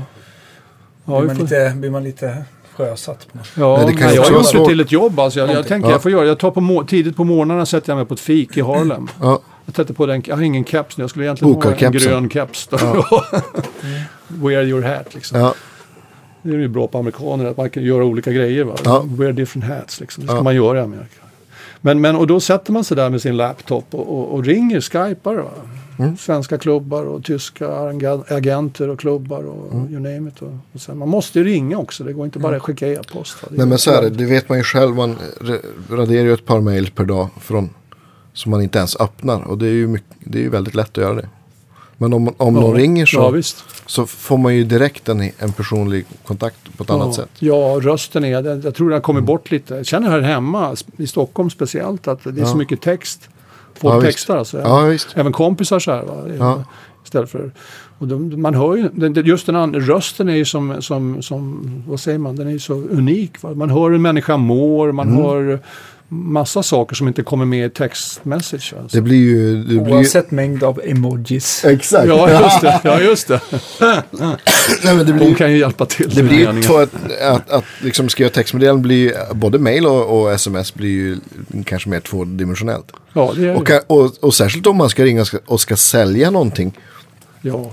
Så, och, så är det ju kanske bättre att prata med, prata med folk direkt tror jag. Men är det inte lite sådär att folk nästan är så här lite rädda här? Får jag en känsla av att, att eh, ringa och prata för att man kan fastna i ett för långt samtal när man bara ville en snabb sak sådär. Mm. Så blir det liksom så här, men det är för Ja, kallpratet. det- Ja, det kanske är det. Ja, men som svensk är man inte så. Jag ska säga det är en det är en bra vad heter det, point där. Alltså, Ja. för, för att det där har jag märkt skillnad med mig själv. Va? Ja. Jag tycker jag, jag gillar att prata och sådär. Va? Ja. Inga problem. Men, men jämfört med amerikanerna, alltså, de, de kan hålla på och babbla. Och Prata. Det är Ja, ja, small talk kallas det. Va? Att Ja, bara visst. stå och Ja, snacka. de är världsmästare på Ja, det. det är visst. sanslöst. Va? Jag, jag, jag varit med om så här kulturkrockar då, alltså när inte jag pratar tillräckligt mycket. Eller man går förbi någon Ja, och bara, då och bara tror- säger hej. Ja. Men ändå sa hej va. Men då, och inte stanna och snacka, åtminstone snacka lite grann. Det blir ungefär som att man är, ja det var inte rätt. Alltså, ingen- liksom. Ja, på Ja, ja, något visst. sätt. Det var en, one way or the other. Och det var ju egentligen bara för att jag var svensk. Ja men jag exakt. Gjorde så, så jag är här. Ja, ja, precis. Nej, de är helt Ja, men otroliga. min min tjej är inte svensk och hon, hon, hon, då hon flyttade hit så berättade hon att hon, det tog ett tag för henne att förstå att folk var blyga, inte oartiga och Ja, otrevliga. just det. Och det Jo, tror det är jag, just det. ja, tror jag nog lätt att det kan vara. Ja. Ja, men verkligen. Det är, det är, Så- men det är, men det är ju- förhoppningsvis så löses det upp lite. Ja, absolut. Jo, år, det ska sig, jag kommer ihåg det. Ja. Vi hade en, eh, en, eh, Mer. En gitarrkollega till oss som precis har flyttat till Nashville och han har hållit på, David Henriksson, han hållit på i ett och ett halvt år att få arbetstillstånd. Ja, ja. Hur, hur, hur var det, den resan för dig? Ja, det är ju det är olika möjligheter där. Alltså jag hade något som hette O1 Visa ett tag. Okej? Som är alltså ett artistvisum. Ja. Men sen, och det hade jag väl, det räckte väl fyra år. Men sen fick jag faktiskt, eh, fick igenom ett eh, green card. Ja. Så nu har jag det. Jag är inte, Grattis. det måste man ju ha med tiden alltså faktiskt. Det är, och det är inte lätt i USA. Om man tycker, Men då det- kunde det du ju- påvisa liksom att du har jobbat där så pass mycket. Och, Ja, och först var det ju med det här O1, var, där, där var det verkligen mycket jobb. För att få igenom det. Och då, då fick jag ta andra musiker och skriva rekommendationsbrev. Och så. Ja. och så hade jag en advokat och han skulle ha betalt. Mm. men Det låter ju som att det är Han samma låter som David. Ja, visst. Jaha, han håller på med det nu kanske. Ja, han har precis flyttat. Han Ja, ja. har fått, jag vet inte, jag kommer inte ihåg vad hans visum heter. Men han har något sånt. Ja, det är ett artistvisum. Ja, Så att det är det han enda han får jobba med. Han får inte göra något Han annat. kanske Liksom. också gått igenom den där Ja. processen. Och för er lyssnare som är intresserade av hur det går, så för David så har det gått väldigt bra. Han fick väl någon turné på en 15-20 gig på ett bräde och Jaha, har, varit, har har varit väldigt upptagen med annat också kan jag Ja. säga. Så att, eh, ja, vi gratulerar härifrån. Dave Cave på Instagram. Om man, kan man se hans bilder. Ja. Kul med. Ja, men grattis då. Ja. Nej, det, är en, det, är, det är spännande. Det är, det är en tuff marknad USA som alla vet. Och, men det är Ja. också alltid möjligheter. Spännande saker som händer. Och, så, så, så, man vet aldrig. Man måste vara öppen. Man måste prata. Ja, ja visst. Jo, men det känns ju som att även om det, är, att det fanns, finns flera musiker och gitarrister så känns det ju som att det finns en, en annan publik och att, ja, större städer och mer speltillfällen. Och Det bor ju ett par fler människor där kan man säga. Ja, dels gör det det. Alltså. Ja. Och visst är det så. Det är spännande faktiskt. Det är det. Mm. Ja, ja. Vad ska ni fråga om nu då? Ja, nu, nu Ja, jäklar. vi skrev ju ner några grejer som jag skulle...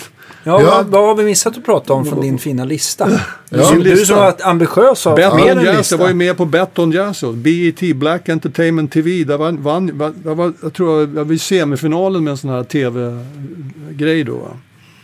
Alltså som gitarrist, att det var en Nej, men- tävling eller? Ja, de hade Ja. jazz, eh, ja de hade en eh, nationwide uh, Jaha. competition. Ja. Var Ja, en massa coolt. år sedan.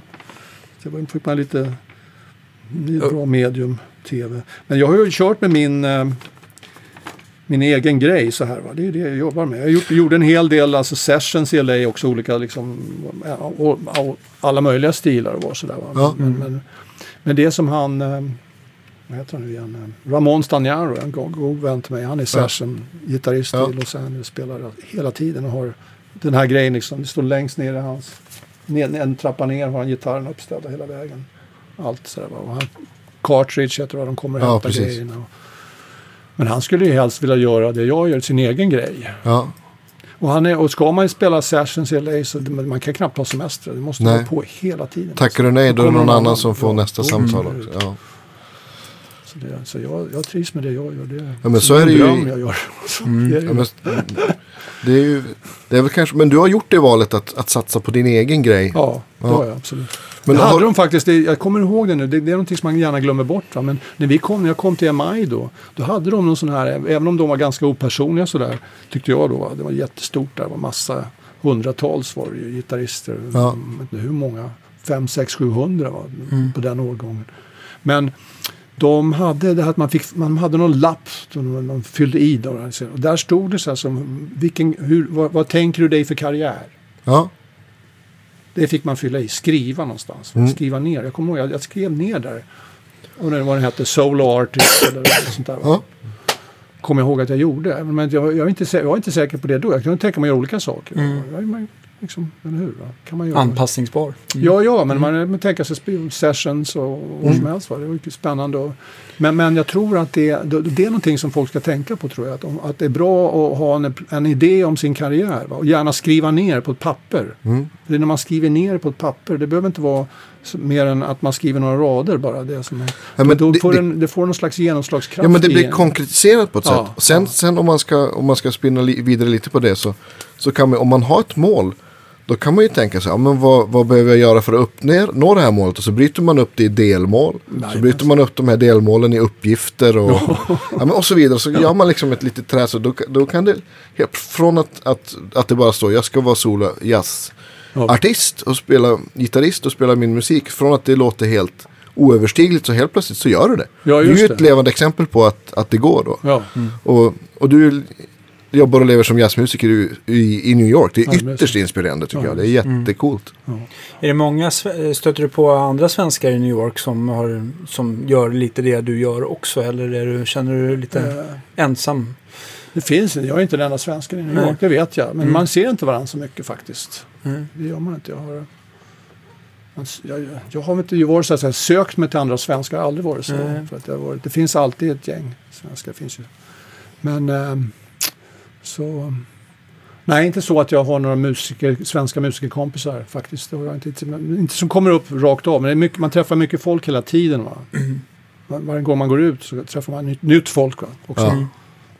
Byter bu- business cards eller klickar in med telefonerna. Sådär? Sina, Går du på jam och grejer också sådär? Ja, just det brukar jag göra. Det har olika perioder. Jag hade en period nu. Jag gjorde jam sessions i New York. Det var kul faktiskt. Det, det är de är bra på det i New York. Det är verkligen liksom. Det är inte sådär att det står 25 saxofonister i kö och ska spela på samma låt. Utan det Nej. är, de, har, de, de har en lista. Mm. Och sen så plockar de upp en efter en från listan. Va? De, ba- Housebandet spelar.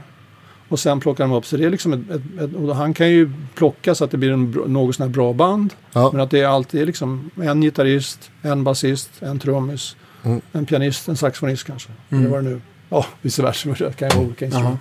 Men typ så. Alltså att det inte, ibland kan det ju bli jam sessions sådär att all- alla ska upp och spela. har jag varit med om här hemma. Att det blir? Mm. Och då kan det ju inte bli så kul. Varken vara med själv och stå och vänta, Eller sitta och vänta och kompa liksom 37 choruses. Nej, nu är vi inne på 129 choruset. Nu Ja. kanske jag får spela. Ja, Eller också publiken också har ju ruttnat. Ja. Ja, precis. Det blir inga låtar till slut. Det blir bara... Men på Fasching tror jag verkar de ha. Jag var förbi där faktiskt i april. Det verkar vara, fast det kunde nog behövas lite mer folk där. Det var ganska tomt. Men där var det De bra har ju något- session. Alltså. de har, ju något, session. de har, vad heter det, jamkultur tror Ja, jag det var någon måndag jag var förbi där. Alltså. Då var det Men där har de tänkt coolt. De, de har gjort att de har haft någon som hostar jammet med sitt band. Ja, men och det är gör ju en liten standard. konsert. Men det gör Ja. man i New York också. De kanske har tagit det Spelar första setet Ja. själv. Bandet spelar första setet. Ja. Och sen öppnar det upp. Och då har de bjudit lite olika människor, så lite olika style och sådär. Mhm. Så det, Men kanske har slagit igenom mer. Det finns väl desto flera bluesjam i Stockholm tror jag. ja, det gör det. Det finns ju Jaha. Gamla stan kryllar ju höll jag på att säga. Ja, Jaha. precis. Det har ju både varit på uh, Wirström, Santa Clara och framförallt Stampen. Mm, jag tror Brian Kramer som eh, hade bluesjammet när jag började spela blues. Kan det ha varit? 98 eller någonting sånt där. Så han har ju kört varje år. Nu är han väl med på England. Ja, exakt. Jaha. Men han har ju liksom, det är otroligt. eh, jag har hållit på i princip snart i, Ja, i 20 år då, med Mm. att driva bluesjam i Stockholm. Det är, det är, jag tror att jag själv skulle orka med att driva kanske en eller två blues Ja, just det. eh, jam på ett år. Men eh, han, Ja, men han- blues är ju så också. Det är så musik som ska spelas hela tiden. Ja. Ja, visst. Improvisation också. ja exakt. Men, går- men är det- är- ett popprojekt, då kan det vara mer att liksom showcase. Ja. Eller hur?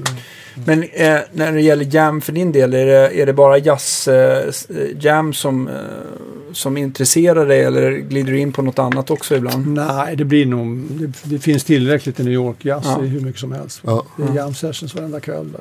Om, du, om du själv vill gå ut och lyssna på jazz, vad går du då? Det beror på vem som spelar såklart. Ja, det gör det ju. Men det är ju, i, i, i New York så är det ju där runt, eh, runt West Village som det heter. Då var det Ja. Fat Cat och Smalls. Och, Mm. Som är de klubbarna som är mer lokal. Mm. Bästa nivån lokal så att säga. Va? Mm. Sen, så, Är det där sen är det ju då liksom Village Vanguard som är vad kallar internationell nivå. Ja. Då. Blue Note. Blue visst. Note ja. också förstås. Va? Och, och stör, de, de, de, de stora, vad ska man säga, stora klubbarna. Ja. Var det Standard. Osnoy spelar? Är det Smalls eller? Nej. Ja, det finns också um, alltså Mike Sterns gamla ställe och han är tillbaka 55. där. 55 bar. Ja. Ja, det är också det. där alltså, i, i um, West Village. Just ja, det kanske är där. Och så ett nytt ställe som ja. har öppnat. Ja, det kan det vara. Jo, men han har spelat där, det vet jag. Ja, Sen finns det ett nytt ställe som har öppnat där som heter Mesro. Som Okej. han, han som har Smalls har det också. Där är det mera mindre duos och trios. och- ja. Och sen det där gamla garage som låg på 7th Avenue. Som var ganska cool faktiskt. För där kunde man spela, spela en hel del. Där. Och där, men det slog igen. Det var hyran som gick upp. Mm. Ehm, Ett återkommande problem. ja, ja, men precis. Och driva musikklubb i, i städer som... annars är det Kitano heter ett ställe uppe längre upp. Där har jag spelat. eh, som ligger uppe på Park Avenue. Det är utspritt också. Va? Mm. Cornelia Street Café har jag också spelat. Det ligger, det ligger också i The Village. Och vad är det mer då? Iridium. Just Det är det. lite fusionställe faktiskt. Ja. Iridium. Det är det ju. Jag Och nu pratar vi bara som- egentligen Manhattan va? Ja, bara Ja. Manhattan. Ja. Ja. Absolut bara Manhattan. Alltså bara downtown egentligen. Okej. Eh, Sen är det ju gamla University. Det var ett coolt ställe som heter. Det finns ju sådana här liksom lite udda ställen som inte är på listan heller. Då. Un- University of the Streets hette ett ställe nere i eh, Lower East Side. Ja. Mm. Som har funnits där sedan hur länge som helst. Då, va? Även när det var gangland där på Ja. ja. Risa, då fanns det stället också där. Va? För jag var där en gång då också. Då så. åker man taxi dit och hem. Ja, precis. Vi, vi stannade lite för tidigt med taxin så vi gick ut där och tittade. Det här var på sent på natten och sen inte en kotte någonstans. Jag kommer ihåg det. Var så här. Och sen kom vi in där då. Och ser det då Ja, jam session. va. Och det stället slog tyvärr igen här nu förra året. Har flyttat upp i Bronx, the Bronx och Mm. mm. borta. Så det försvinner ju också sånt där som inte är top notch då. Som klarar hyrorna då på Manhattan. Alltså, Mm. Jag förstår. ja, tyvärr. Men det finns väl lika många klubbar utanför Manhattan också? Ja, sen är det ju Brooklyn då. Där jag började spela på, eller började, ja det gjorde jag på Up Over Jazz Café. Det var mitt första gig i New York faktiskt. Mm. Up Over Jazz Café. Det, ligger, det finns inte nu längre, det låg på Flatbush där nära parken där va, Prospect Park. Där hade en, en snubbe, Bob Meyer, hette han, bokade det stället. Han har jag fortfarande kontakt med. Han hjälper mig med, med jobb lite grann faktiskt. Ja, det var det. Han, eh, och då spelade jag där med, med Stanley Banks, heter basisten då, som var med, är med eh, Bensons band. Kan kul. spela idag.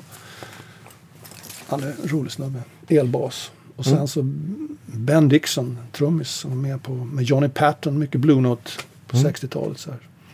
Men det är mycket trio, trio-grejer som du Då var gör. en pianist med också. Ja, namnet, som fixade, fixade giget faktiskt. Det var, den, den, det var också en sån här, vad kallar man det för? Vad ska vi kalla det där nu då? Alltså när, när saker händer och som synchronicity eller vad det Ja. kallas. va? Psychic liksom powers var det nu. För jag, jag, jag var i Los Angeles då va? och jag spelade med Sherman Ferguson mycket då. Ja. Late Sherman Ferguson, inte med oss längre, fantastiskt. Som är med på Pat Martinos Consciousness, Mm. och flera Pat Martino. Var kompis nära, de växte upp i Philly båda två. Va? Mm. Jag ska åka över och hälsa på Pat Martino nu i, i höst, eller när jag kommer tillbaka. I alla fall så kör man Ferguson var den där connectionen där till, till både till Pat och till Roy Haynes och många andra. Klopp, nu tappar jag tråden här. Jo, vad var det nu då? Jo, Ben Dixon ja. ja. Jo, så då, då lyssnade jag på någon eh, gammal Grant Green. Alltså, det är också Grant Green, Ja, en visst. gitarrist som folk som gillar blues ja visst. och, och börjar lukta lite på jazz och där. Så där så Mycket Green, eh. alltså, det är coolt, alltså, jag gillar det. Mm. Ja. Så då var det någon platta jag lyssnade kommer om det var den här Sunday Morning med, med eh, och där var det en, en, trummis som hette Ben Dixon. Och jag, tyckte, jag lyssnade på den här trummisen och vad fan, det var så här, så sa till Sherman Ferguson, känner du till Ben Dixon? sa jag till honom. Så här. Nej, han kände inte till honom, visst, han kände inte honom personligen. Men så. Och sen tog det ett halvår, eller om det var ett år. Och sen säger då den här pianisten då, namnet upp, dyker väl upp här kanske om en stund, till mig. Vi hade spelat ihop några gig. Och han, skulle, han kände en trummis i New York som hette Ben Dixon. Jaha, så jag, inte var inte det den där, på den där skivan? Ja, jo, så kollade jag där. Jo, men det var ju Ben Dixon. Ja, det är ju han, säger han. Det är, Ja. gamla polare. Han var A&R för Brunswick Records i New York på 20 år tidigare, den här Ja. pianisten då. Och så sätter han upp det här giget i, i Brooklyn. Så då spelar han med Ben Dixon sen. Va? En, Ja, månad kul. senare. Ja. Där, så. Världen är liten. Wow, så han är med på en av mina plattor också. Ja. Liksom Coast, Coast, Hur många skivor Coast, har det blivit? Coast-skiva. Det är några stycken. De, de, är, de går inte att räkna. Men de är, det ska vara fler. Jag ger ut, jag, nu kommer jag väl ge ut någonting på ett New York skivbolag. Men jag har gett ut på eget, eget bolag. Mm. Eh, och det har väl gått bra. Och det är väl egentligen det man ska göra numera. Va? Mm. Skivbranschen är det är liksom Hur kommer det sig att du väljer att gå, hur kommer det sig att du går eh, tillbaka och går till ett skivbolag eh, med kommande skiva då? Jo, för att jag känner att det, nu är jag i New York och det är liksom, äh, det, det, även om det inte kommer löna sig, det kommer Ja. det inte göra, antagligen. Men det är ju lite filter sådär va. Det blir det. Exakt. Ja, det blir lite distributionskanaler och man Ja, jag har haft distribution marknader. med Nax och Sweden och sådär. Men, men, men det, ja, det, ja, det blir ändå, kan bli bättre distribution, det kan Ja. det bli. Och sen blir det kontakter va. Mm. Hur har du löst dig som, som eget eh, sk- skivbolag, de här eh, streamingtjänsterna och sånt där? Tar du bortsett från det eller känner Nej, jag, det kom ju som... med på, jag är väl med på det där äh, fasansfulla, hemska svenska. Ursäkta, nu Ja. råkar det vara så för en gångs skull. Vi- Ja. ofta är bra på det mesta. Men, men eh, det blev väl inte så kul det där med spot, spot, spot, Spotify. Jag tror. Mm. Ja. Ja, men för, för oss artister, det är bra för om man är en, en popartist som säljer liksom hur många miljoner streams. Va? Då, kan det gå, då kan man ju få några spänn. Men det, nu, nu vet jag inte, Stim håller ju på med en deal så att man kommer få pengar från Stim över Spotify stream. Va? Mm, det får man. Det får, Ja, det får ju man nu. Det Va? får De man har redan. precis börjat. Va? Jag vet inte om det blir lite bättre än vad det jag får. Jag får ju från, från, från, eh, från Spotify. Va? Från mina Man får ju både och. stream. Men det är alltså 0,00 du vet. Ja, det, kommer inte bli sämre i alla fall. Nej. Nej. Nej, det kan det kan vi fastslå. Nej, men eh, jag tänker också så här för egen del med, med Bumblebee som har, man har släppt skivor. Eh, att man, jag ser det nästan mera, eftersom det inte är liksom eh, eh, tiotusentals eh, plattor som, som jag säljer va, per, utan eh, man liksom ser det mer som kommersiellt. Att det händer någonting i banden och att det är bra reklam och sådär. Att ha Ja. nya skivor och låtar Mm. ute sådär. Mm. Och sen så tjäna pengar på själva giggen istället har det ju mera gått till. Ja. Och, Och sen men, kan man ju sälja själv utan obehindrat. Om Ja, man är på ett label så det beror på vad man har för deal. Va? Ja, det beror på absolut. om man kan göra någon licensing deal också. Det är lite det jag är ute efter kanske. För att se. Mm. Och då, men då, då hör man ju, annars så kan ju de säga att du får köpa skivor från dem. Då, så Mm. kanske, du kan få, bara, Mm. kanske kan göra ett, ett, två dollar i förtjänst istället Mm. för 10 dollar. exakt. När du säljer på giggen. Det är mest där man säljer ofta. Mm. Ja, så är det. Så, ja. Men jag, jag har alltid sagt att folk vill hålla i någonting. Det, kommer inte, det här kommer inte att försvinna. Va? De, folk, vill, folk gillar att ta i saker. Kanske jazzbranschen kanske får, får göra som i rockbranschen. Får börja trycka upp t-shirts och Ja, det är ju Kaffemuggar det är, och- Absolut, det har jag varit inne på plektrum och Vinyl, merch helt enkelt. Ja, merchandise. Så kommer väl merch. Vinylsvängen har väl, de är väl ganska busy med att trycka upp. Det verkar Absolut. vara många som eh, Ja. presserier och sånt där som har mycket att göra Ja, i alla fall i. Ja, det blir vinyl nu. Det måste man göra. Alltså. Det blir Ja. nästa. Ja. Det, blir, det kommer det bli, det tror jag. Det är kul Sen, tycker jag. så tror jag Och också att också. det kanske, det kanske är liksom, CDn är för modern fortfarande för att det ska bli coolt. Men det kanske kommer en revival där och precis som du har gjort för vinylen tänker jag. Nej, jag tror inte. Blev det någon revival för 8-track? Nej, men det har väl, Sådär. ja, Ja, men det var har väl aldrig varit populärt? Nej, det är väl aldrig populärt kanske. Ja, men det kanske, ja, du kanske har rätt. Det kanske blir en du CD-revival. menar A-track that? Nej, nej, men det som fanns det på 70-talet kom väl. Alltså, det vet jag inte. Alltså. De var så här stora kassettband så här. Nej, men det kanske kassett. är lite grann så här som, som eh, när, jag, när jag var hårdrockare och intresserade mig för så här, um, hockeyklubbshuvuden i början Ja. på 90-talet. Att det skulle få en revival här igen. Ja. Men det har ju inte riktigt blivit någon sån revival. Även om det är Nej, säkert många. Det är ju en fortfarande... liten, liten. Ja, John det- Mayer visade sig med en rosa sån. Så då blev det lite hippt. Men CDn finns väl ja. kvar ändå? Den är inte försvunnit liksom. Nej då. Den ligger Nej. där och vinylen växer men än- ändå en ganska smal liten del. Va? Sen är det ju ganska den. olika olika växer och länder växer. också. Ja. I, I Sverige säljs ju inga skivor, men i Tyskland säljs ju CD-skivor fortfarande. Ja, det gör det. Där är ju 50% av all musikkonsumtion. De köpte det faktiskt. Jag Är ju- sålde alla skivorna i Passau så jag hade Ja. ingenting kvar. När jag Nej. till, Men, men vad händer framöver då? Nu, har du, nu är du i Sverige på lite turné. Ja, och det här gör- var, vad gör var, nu, ja. var, eh, vad kan man se det härnäst nu och passa på här medan du är i Sverige då? Ja, nu har jag alltså, jag, har ett, eh, ett, ett, jag har ju den här lilla, mm, jag har en liten bi, nej vad ska vi säga, en annan sida av mig själv som är alltså att jag spelar klassisk gitarr också. Va? Ja, okej. Och, med, och gör improvisation också då. Ja. Jag gjorde, jag gjorde en, en, degree i klassisk gitarr också. Där, Men jag menar det, så, så det där har blivit en grej, mitt, så att säga sommarjobb hemma Ja. i Sverige. Det Mm. visar sig att det har gått ganska bra. Jag har fått mycket jobb bokade ganska lätt. Så jag spelar i kyrkor runt, Ja. turnerar runt. Och nu ska jag spela i Maria Magdalena här i Stockholm på Mm. Söndag klockan åtta. Så ni är välkomna. Mm. Spelar jag alltså från Bach till jazz. Ja. För de som är intresserade av, av den sidan av gitarr också, alltså klassiska. Så det är många som rockgitarrister som har kanske spelat speciellt rock tror jag. Va? Mm. Mer tror jag än jazz faktiskt, som kommer från klassisk gitarr. Va? Mm, jo, faktiskt. Det har jag märkt faktiskt från musikhögskolan och sådär var det ju folk. Mm. Klassiska gitarrister som blev rockgitarrister sen. Mm. Som var det från början. Gå tillbaka till sin gamla kärlek va, så att säga. Om de inte fortsatte med det andra då. Ja, och då jag, så, ja förlåt. ja, nej, men jag tänkte bara också eftersom vi eh, försöker vara duktiga och lägga upp programmet i go- alltså spela in det inte dagen innan Nej. vi sänder det så är det möjligtvis att man eh, tyvärr missar din konsert. då. Ja, ja, ja, just det, så är det. Ja, Nej, så, att, så, jag har, jag kan säga då, jag har, jag kommer, vi kan i alla fall berätta det. Jag, jag har gjort en hel serie sådana här från Bach till jazz. Mm. ja. Gig runt alltså i kyrkor, mest i Uppland i sommar. Förra sommaren var jag nere i Halmstad, västkusten, Åmål, Mellerud. Ja. Falkenberg. Och nu är det, nu är det eh, och sen har jag också varit uppe nu precis förra veckan uppe i Haparanda. Ja, för vad andra gången på Kalottjazz. Och då hade jag, en, jag har en svensk trio också. Mm. Som jag fick igång här nu i en andra omgång med en basist som heter Ruben Farias som var med Mm. mig i Sao Paulo. Han är från Brasilien. Ja. Jag träffade honom i Sao Paulo, jag var där för två år sedan. Men bor han här då? Eller? Nu har det, det visat sig att han träffat en svensk tjej och, och eh, de har gift sig och fått barn. Ja, Så, så kan det gå. Så lämpligt. Ja. Så, och sen så är jag med Bengt Stark då, en, Ja. en, stock, en, en trummis som är alltså virtuos. Båda de här två är fullständigt fenomenala musiker. Ja. Så de hade jag med mig upp till Haparanda nu för, Ja. för, för ett par veckor sedan. Vi spelade på Kalottjazz. Och, var, och det var lite kul att komma tillbaka för då var jag där med min New York-trio för två år sedan. Ja. Då gjorde jag den här Från Säffle till Korpilombolo-turnén. Ja. Då började vi i Säffle och så spelade vi över Piteå, Luleå, Skellefteå, Haparanda och så Ja. slutade vi i Korpilombolo. Det Ja, finns i verkligheten. Vad tyckte dina amerikanska vänner om den turnén? Ja, de, jag såg, jag varnade dem sådär va, men då, det var konstigt. De hade, för sen blev det ju liksom 40 grader kallt i Korpilombolo i januari, men nu var vi där i slutet på november och det var liksom ja, nollgradigt. Va? Ja. Ja, okej. Jag hade förberett dem på liksom Det kan bli långfillingar. kallt. Ja. Ja. Så, men det gick ju bra. De klarade det.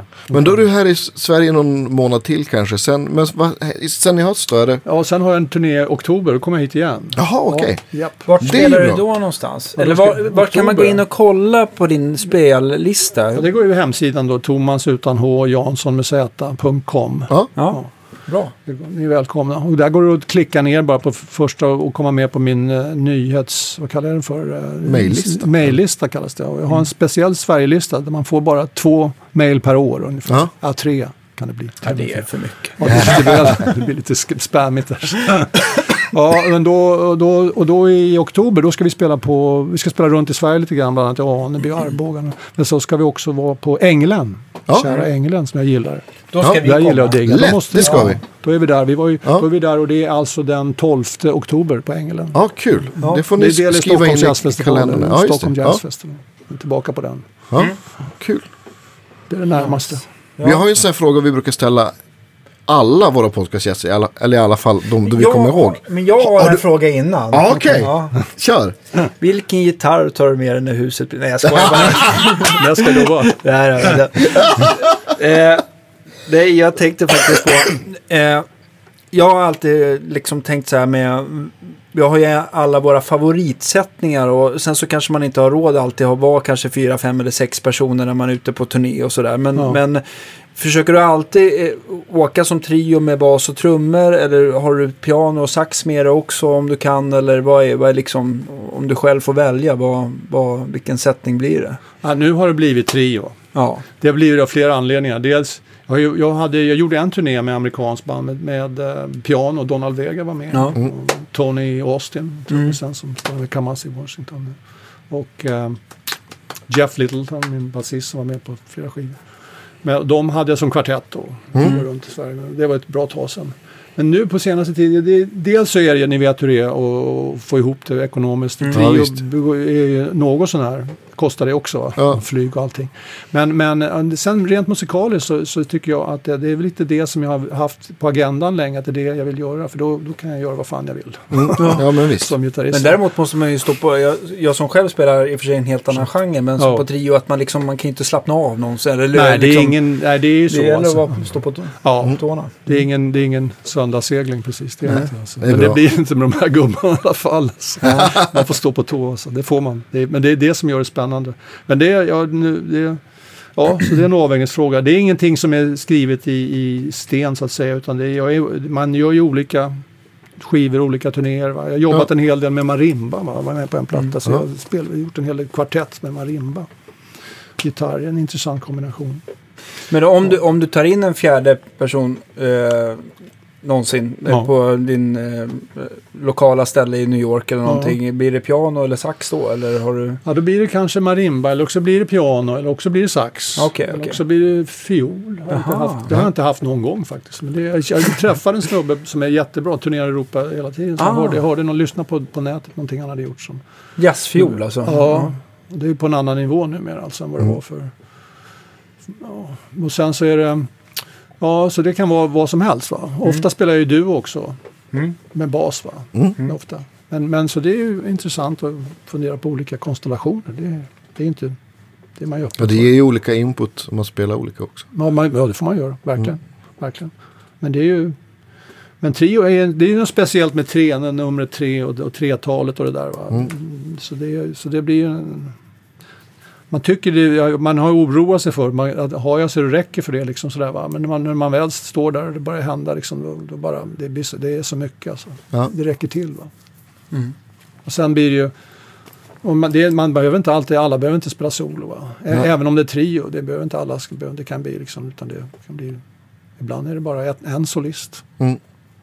Men jag tycker, eh, nu ska jag inte säga att alla jazzband gör så, men jag själv kan börja gäspa ganska fort om jag tycker till exempel trummisen och basisten får solo i varje låt i en jazztrio. Jag tycker, Ja. att det, jag tycker att det är fruktansvärt tråkigt. Det Men det, som det är jag. Det är jag. Det beror på Ja, vem som spelar också. ja. Det gör alltså. det gör Ja, det. det gör. Men jag, nej, men det, just, jag har gjort så. Det, det, det är därför jag säger det alltså också. Att det, det, det, det kan hända någon gång. Va? Ja men absolut, man att det kommer som en numret, krydda och att det lyfter lite grann. Ja, liksom. presentera första numret. Men sen kan det vara, det, det kan ju vara en, det finns ju så mycket, man kan ju, man börjar fundera på arrangemang och vad man kan göra. Det, det finns otroligt mycket möjligheter då. Man har en kontrabasist som verkligen är virtuos. Va? Som kan spela i höga lägen, som kan spela snabba teman också. Va? Mm, ja, visst. Unis med gitarr. Va? Man har en kontrabasist som spelar minst lika fort som en gitarrist. Va?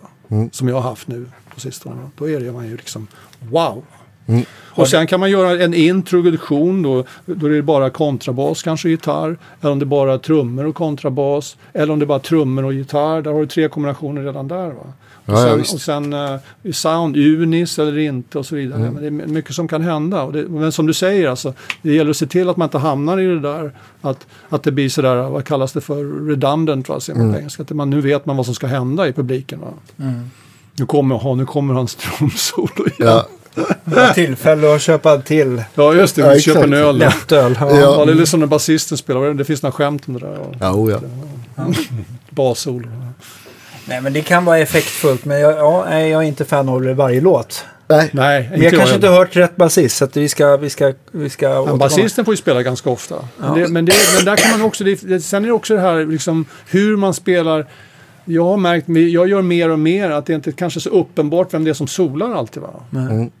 Utan det är, Mer är vem är det nu egentligen som solar? Är det, eh, en del, men det beror på man, vilka man spelar med också, om de är öppna för det. Va? Att jag spelar en jäkla massa medan han spelar solo. Eller, inte, Ja. eller också lite. Va? Eller, Om jag vill att han ska göra mera, liksom, svara mig när jag spelar. Förstår du? Det Ni som, ni är som tre hästar som skenar åt varsitt håll. lite grann. Ja, det kan det ju vara. Det kan ju gå åt vilket håll som helst. Och, ja, det kan, ja. Nej då, men skä, skämt åsido. Men, ja, men, men, men eh, om eh, trio och eh, i princip alltid kontrabas. För Eller- mig, ja, inte, det behöver inte heller vara. Jag har, jag, har jag, har ingen, eh, jag har ingenting emot elbas. Nej. Men det har blivit mycket kontra, ja det gör Ja. det ju. Det gör det ju. Det är, har man, jag tycker om det. Mm. Om man, mm, de kan spela. Ja, det är, inte, det är ju både intonation och eh, Ja, precis. Det är ju det. ja. Det känner man ju. När helt plötsligt gitarren är ostämd. Man undrar vad hände? Och så är det ba- basen som inte stämmer. Ja.